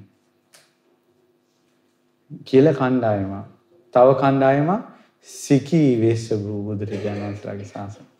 තව බුදු පිරිසක් කකුසඳ බුදුරජාණන් වහන්සේ කාලේ. තව පිරිසක් කෝණගමන බුදුරජාණන් වහන්සේ කාලේ. තව පිරිසක් ඕ කාශ්‍යප බුදුරජාණන් වහන්සේ කාලේ තව පිරිසක් ඇවිල්ලා වන්දනා කළා ස්වාමීනි මම ඔබ වහන්සේගෙන් බණ අහලා කාමරාගය නැති කරගත්තා. එහෙනම් ඒ අවිය බ්‍රහ්ම ලෝකේ කල්ප කීයක බ්‍රහ්මයෝ ඉන්නවද? කල්ප 92ක බ්‍රහ්මයෝ තාම ඉන්නවා. විපස්සී බුදුරජාණන් වහන්සේ කාලේ බණ අහලා අනාගාමී වෙච්ච අය අදටත් ඉන්නවා. ඒ කල්ප 100ක් ඇතුළත ඒ බ්‍රහ්ම ලෝක ඒකයි ඉසි සත්තම බුදුරජාන් වහන්සේ සත්වෙන ඉසිවරයා කියලා කියන්නේ. නැත්නම් ඊට කලිනුත් බුදුරු 15ලා තියෙනවනේ. ඒ බ්‍රහ්ම ලෝකෙත් ඉන්නේ බුදුරු 7 දෙනෙක්ගේ ශාසන වල අය. ඊට පස්සේ බුදුරජාන් වහන්සේ ඒ බ්‍රහ්ම රාජුරු ඔක්කොම ගෙන්නගෙන අවිය ලෝකෙන් අතප්ප ලෝකෙට ගියා. ඒ ලෝකෙත් ඉන්න බුද්ධ ශාසන 7ේම අය. ඒ බ්‍රහ්ම රාජවරු ගෙන්නගෙන අතප්ප සුදස්ස ලෝකෙට ගියා. ওই විස්තරය තියෙන්නේ මහා පදාන සූත්‍රයේ. හරි සුන්දරයි. ඒ නිසා මේ බ්‍රහ්ම ලෝකේ ඉපදුනාට පස්සේ ස්ත්‍රීන් නැහැ. අනාගාම වෙන ස්ත්‍රීනුත් ඒ ලෝකෙ උපදින්නේ පිරිමි වෙලා. ඔවුන් ආපහු මේ ලෝකෙට නොයන නිසා පිරිමි ජීවිතේම අරහත්ත්වයටපත් වෙනවා. සාම්පති බ්‍රහ්ම රාජයා කියන්නේ අනාගාමී කෙනෙක්. කාශ්‍යප බුදුරජාණන් වහන්සේ කාලේ මහාන වෙලා හිටපු සහක කියන භික්ෂුව. ගටිකාර බ්‍රහ්ම රාජයා කියලා කියන්නේ කාශ්‍යප බුදුරජාණන් වහන්සේ කාලේ අග්‍ර උපස්ථායකයා ගටිකාර උපාසකයා. දැන් ගටිකාර බ්‍රහ්ම රාජයා. ඒ වගේ ඒ නිසා දිව්‍ය ලෝකවල තියෙන බ්‍රහ්ම ලෝකවල තියෙන සැනසෙල්ල හරි පුදුමයි. හැබැයි බ්‍රහ්ම ලෝකෙ උපදින්න නම් ඕලාරික වශයෙන් ගත්තු ධ්‍යාන හතරම වඩන්න ඕන. පළවෙනි ධ්‍යානෙ, දෙවෙනි ධ්‍යානෙ, තුන්වෙනි ධ්‍යානෙ, හතරවෙනි ධ්‍යානෙ. ඒතකොට එහෙම නැත්නම් කරුණාව චේතෝ විමුක්තියක් විදිහට මේ මෙත්තා කරුණා මුදිතා උපේක්ෂා කියන බ්‍රහ්ම විහාර තුල වාසය කරන්න ඕන. එතකොට ඒ ඇත්තෝ බ්‍රහ්ම ලෝකෙ උපදිනවා. හැබැයි බ්‍රහ්ම ලෝකෙට යන්නේ පින්වත්නි. මිනිස්සේ මනුස්ස ස්වභාවය ඉක්මවලා හිත වඩන්න ඕන දිව්‍ය ස්වභාවයකට. දිව්‍ය ස්වභාවය ඉක්මව වඩන්න ඕන බ්‍රහ්ම ස්වභාවයකට. බ්‍රහ්ම ස්වභාවය ඉක්මවලා තමයි අමාමා නිවන කරා හිත වඩන්නේ. මිනිස්සු මනුස්සකම් තුලවත් නැත්තම් ඒ මිනිසුන්ට දිව්‍ය හෝ බ්‍රහ්ම හෝ නිවනක් කෙනෙක් ඒ මිනිසුන්ට හිත ගන්න අමාරුයි. ඒකයි මුලින්ම කියන්නේ කරුණාව මෛත්‍රියෙන් හිටපල්ලා. මිනිස්සෙකුට මිනිස්සෙක් උදව් කරපල්ලා. අපි ඔක්කොම මිනිස්සු සසරේ දුක් වලින් කෙලෙස් වලින් බැට කන අය එකිනෙකාට සමාව දීපල්ලා කියලා කියන්නේ මනුස්සකම් ඇති කරගන්න. ඊට පස්සේ තමයි කියන්නේ ශ්‍රද්ධා සීල සුත ත්‍යාග ප්‍රඥා ඇති කරගන්න මේ සේක බල වලින් තමයි ඕනම දිව්‍ය ලෝකෙක උපදින්නේ කියලා. ඒ දෙව්ලෝ ඉපදෙන්න කියලා කියන්නේ දිව්‍ය අප්සරාවන්ගේ පහස ලබලා නන්දන වනේ සතුටු වෙලා මල් වලින් ඔද තෙද වැදිලා එහෙම සැප විඳ විඳ යන ගමනකට නෙවෙයි. ඒකාන්තයෙන් අපි දන්නා නිසා සෑම දිව්‍ය ලෝකෙකම බුදුරජාණන් වහන්සේගෙන් බණ අහපු මඟපල්ලලාභී බ්‍රහ්මයෝ සිටිනවා. මේ දෙවිවරු. ඒ ඇත්තෝ පුදුම විදිහට ධර්මයේ කියනවා. මොකද අපිට අවුරුදු 2600ක් වුණාට චාතුම් මහරජික දෙවියන්ට දැන් බුදුරජාණන් වහන්සේ පිරිනවම් පාලා ආ දවස් 52යි. තවතිසා දෙවියන්ට බුදුරජාණන් වහන්සේ පිරිනවම් පාලා දවස් 26යි. යාම දෙවියන්ට බුදුරජාණන් වහන්සේ පිරිනවම් පාලා දැන් දවස් 13යි. තුසිත දෙවියන්ට බුදුරජාණන් වහන්සේ පිරිනුවම් පාලා දැන් දවස් හයක් විතර. යාමත නිම්මාන රති දෙවියන්ට බුදුරජාණන් වහන්සේ පිරිනුවම් පාලා දැන් දවසක් විතර. දවසක් දෙකක්. පරනිම්මිත වසවර්තී දෙවියන්ට බුදුරජාණන් වහන්සේ පිරිනුවම් පාලා දැන් එක දවසක් වගේ. ඊයේ දවසේ ස්වභාවය අද දවස එයයිට අමතකයිද? ඊයේ කිව්වා නාද අමතකයිද? ගොඩක් මඟපල්ලාභිය ඉන්නවා. ඒ අය දෙතිස් කතාවෙන් නැහැ. මොන ගැහුණට පස්සේ දහම් කතාව කියනවා. ඒ අය මෙහෙම පොත් බලාගෙන මේ සූත්‍ර විදිහට බණ කතා කරන්නේ. ඒ අය අවබෝධ කරපු කියලා දීපු දහම සිහි කරනවා. එවැනි වූ දෙවියෙක්ගේ කතන්දරයක් මා ඔබට කියන්නද? එක්තරා දෙවියෙක් හිටියා.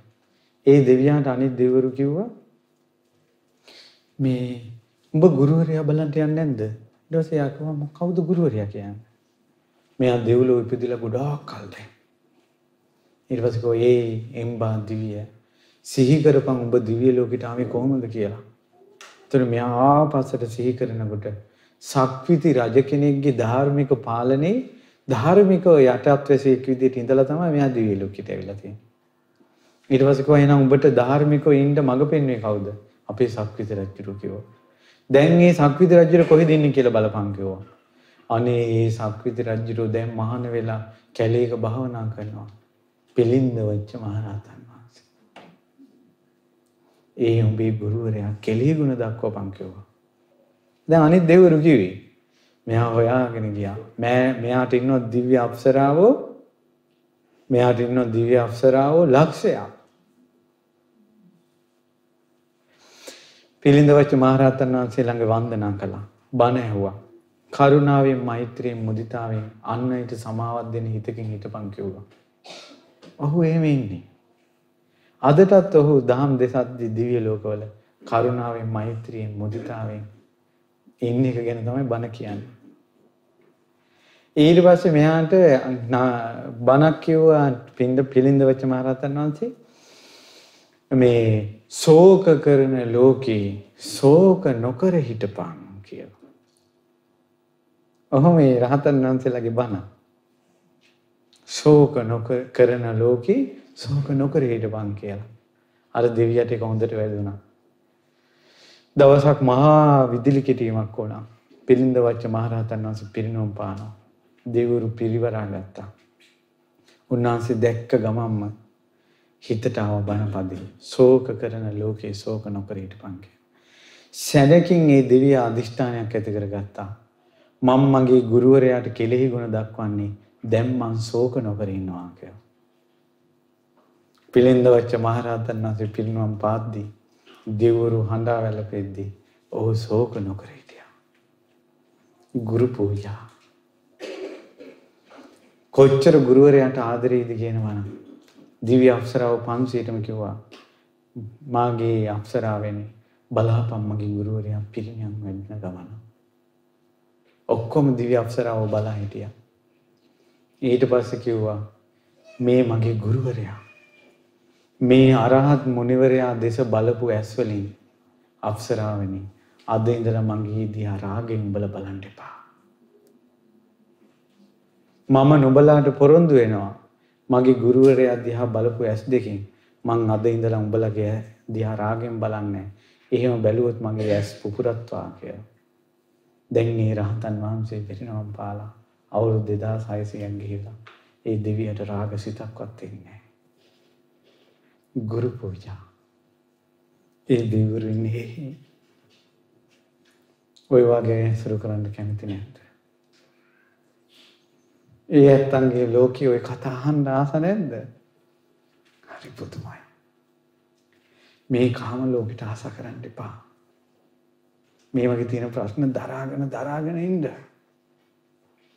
සීප තුනුරුවන් සරණ රැකලා සිල් ටික රැකගෙන අඩුපාඩු ඔක්කොම අමතක කරලා මේ මිනිසයා යන යන කොහේ මොන ගුබ්බෑය ගියත් කරබාගෙන උපදි පුළුවන් විදිහට ධර්මානුකූල උපදේශක් දීලා ඒ පැත්ත ෆලෝ කරන්නේ නැතුව ධාර්මිකව ජීවත් වෙන්න.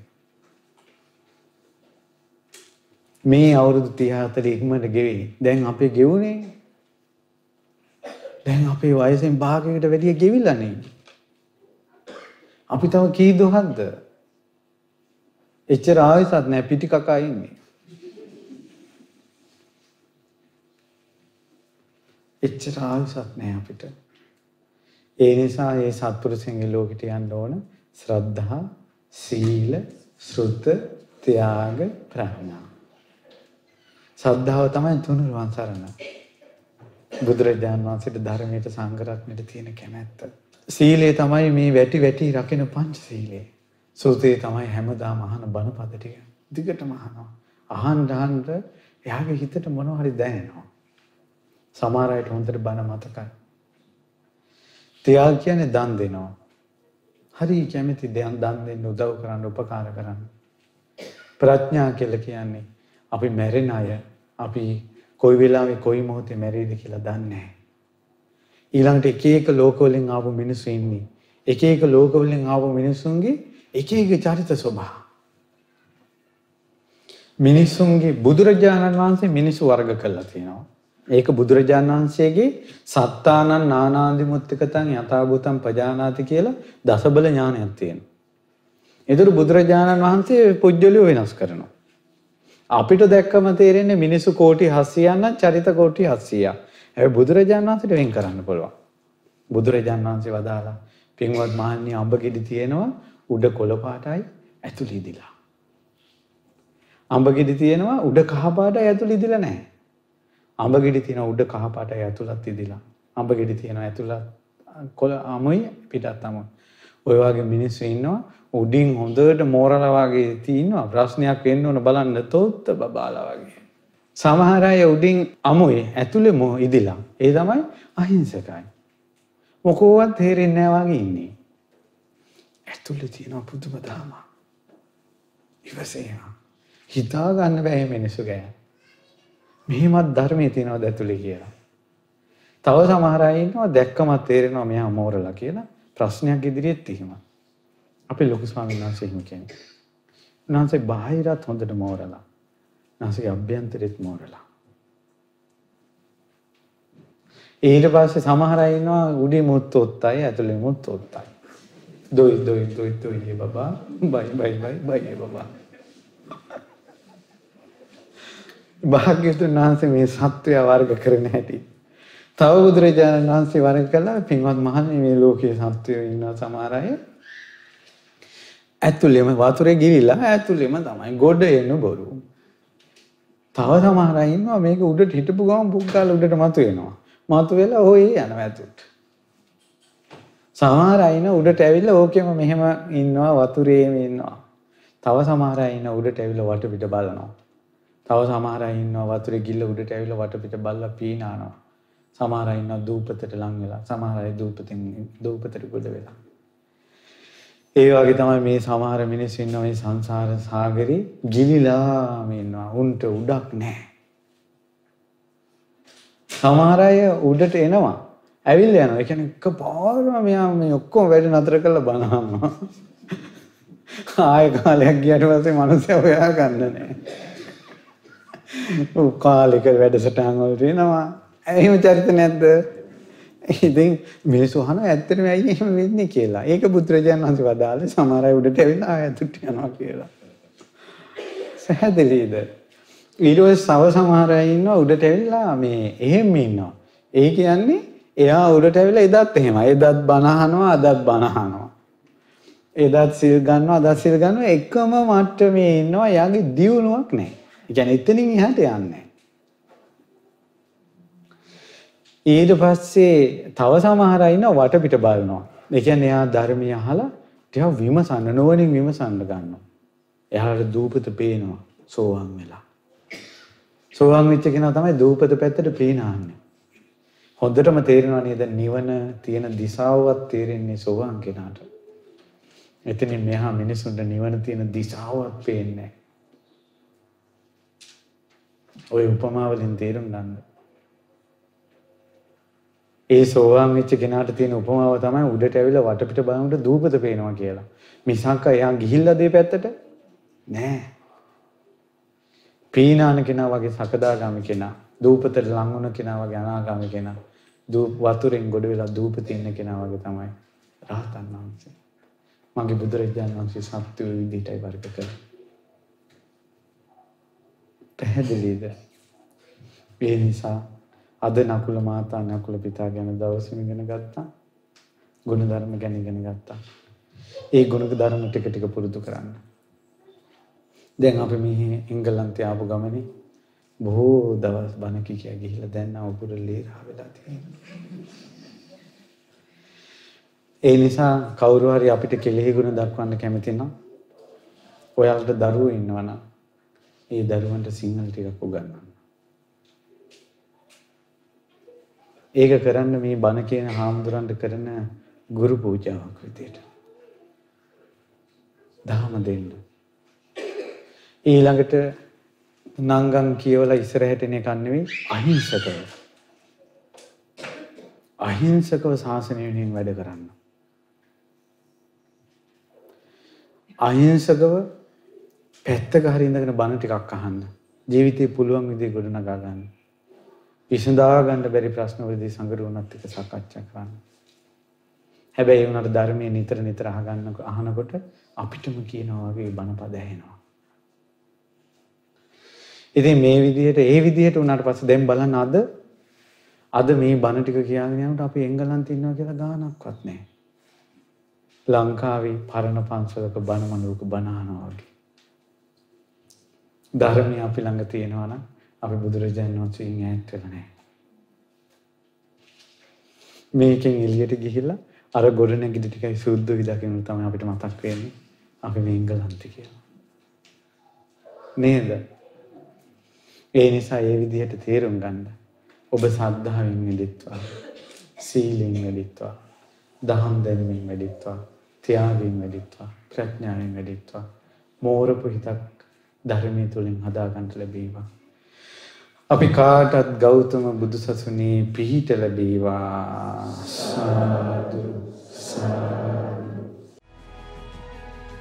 මෙවැනි වටිනා ධර්මදේශනා නැරමීමට ශ්‍රතා YouTube චනලය සබස්ක්‍රයිබ් කර සීනුව ලකුණු ඔබන්න.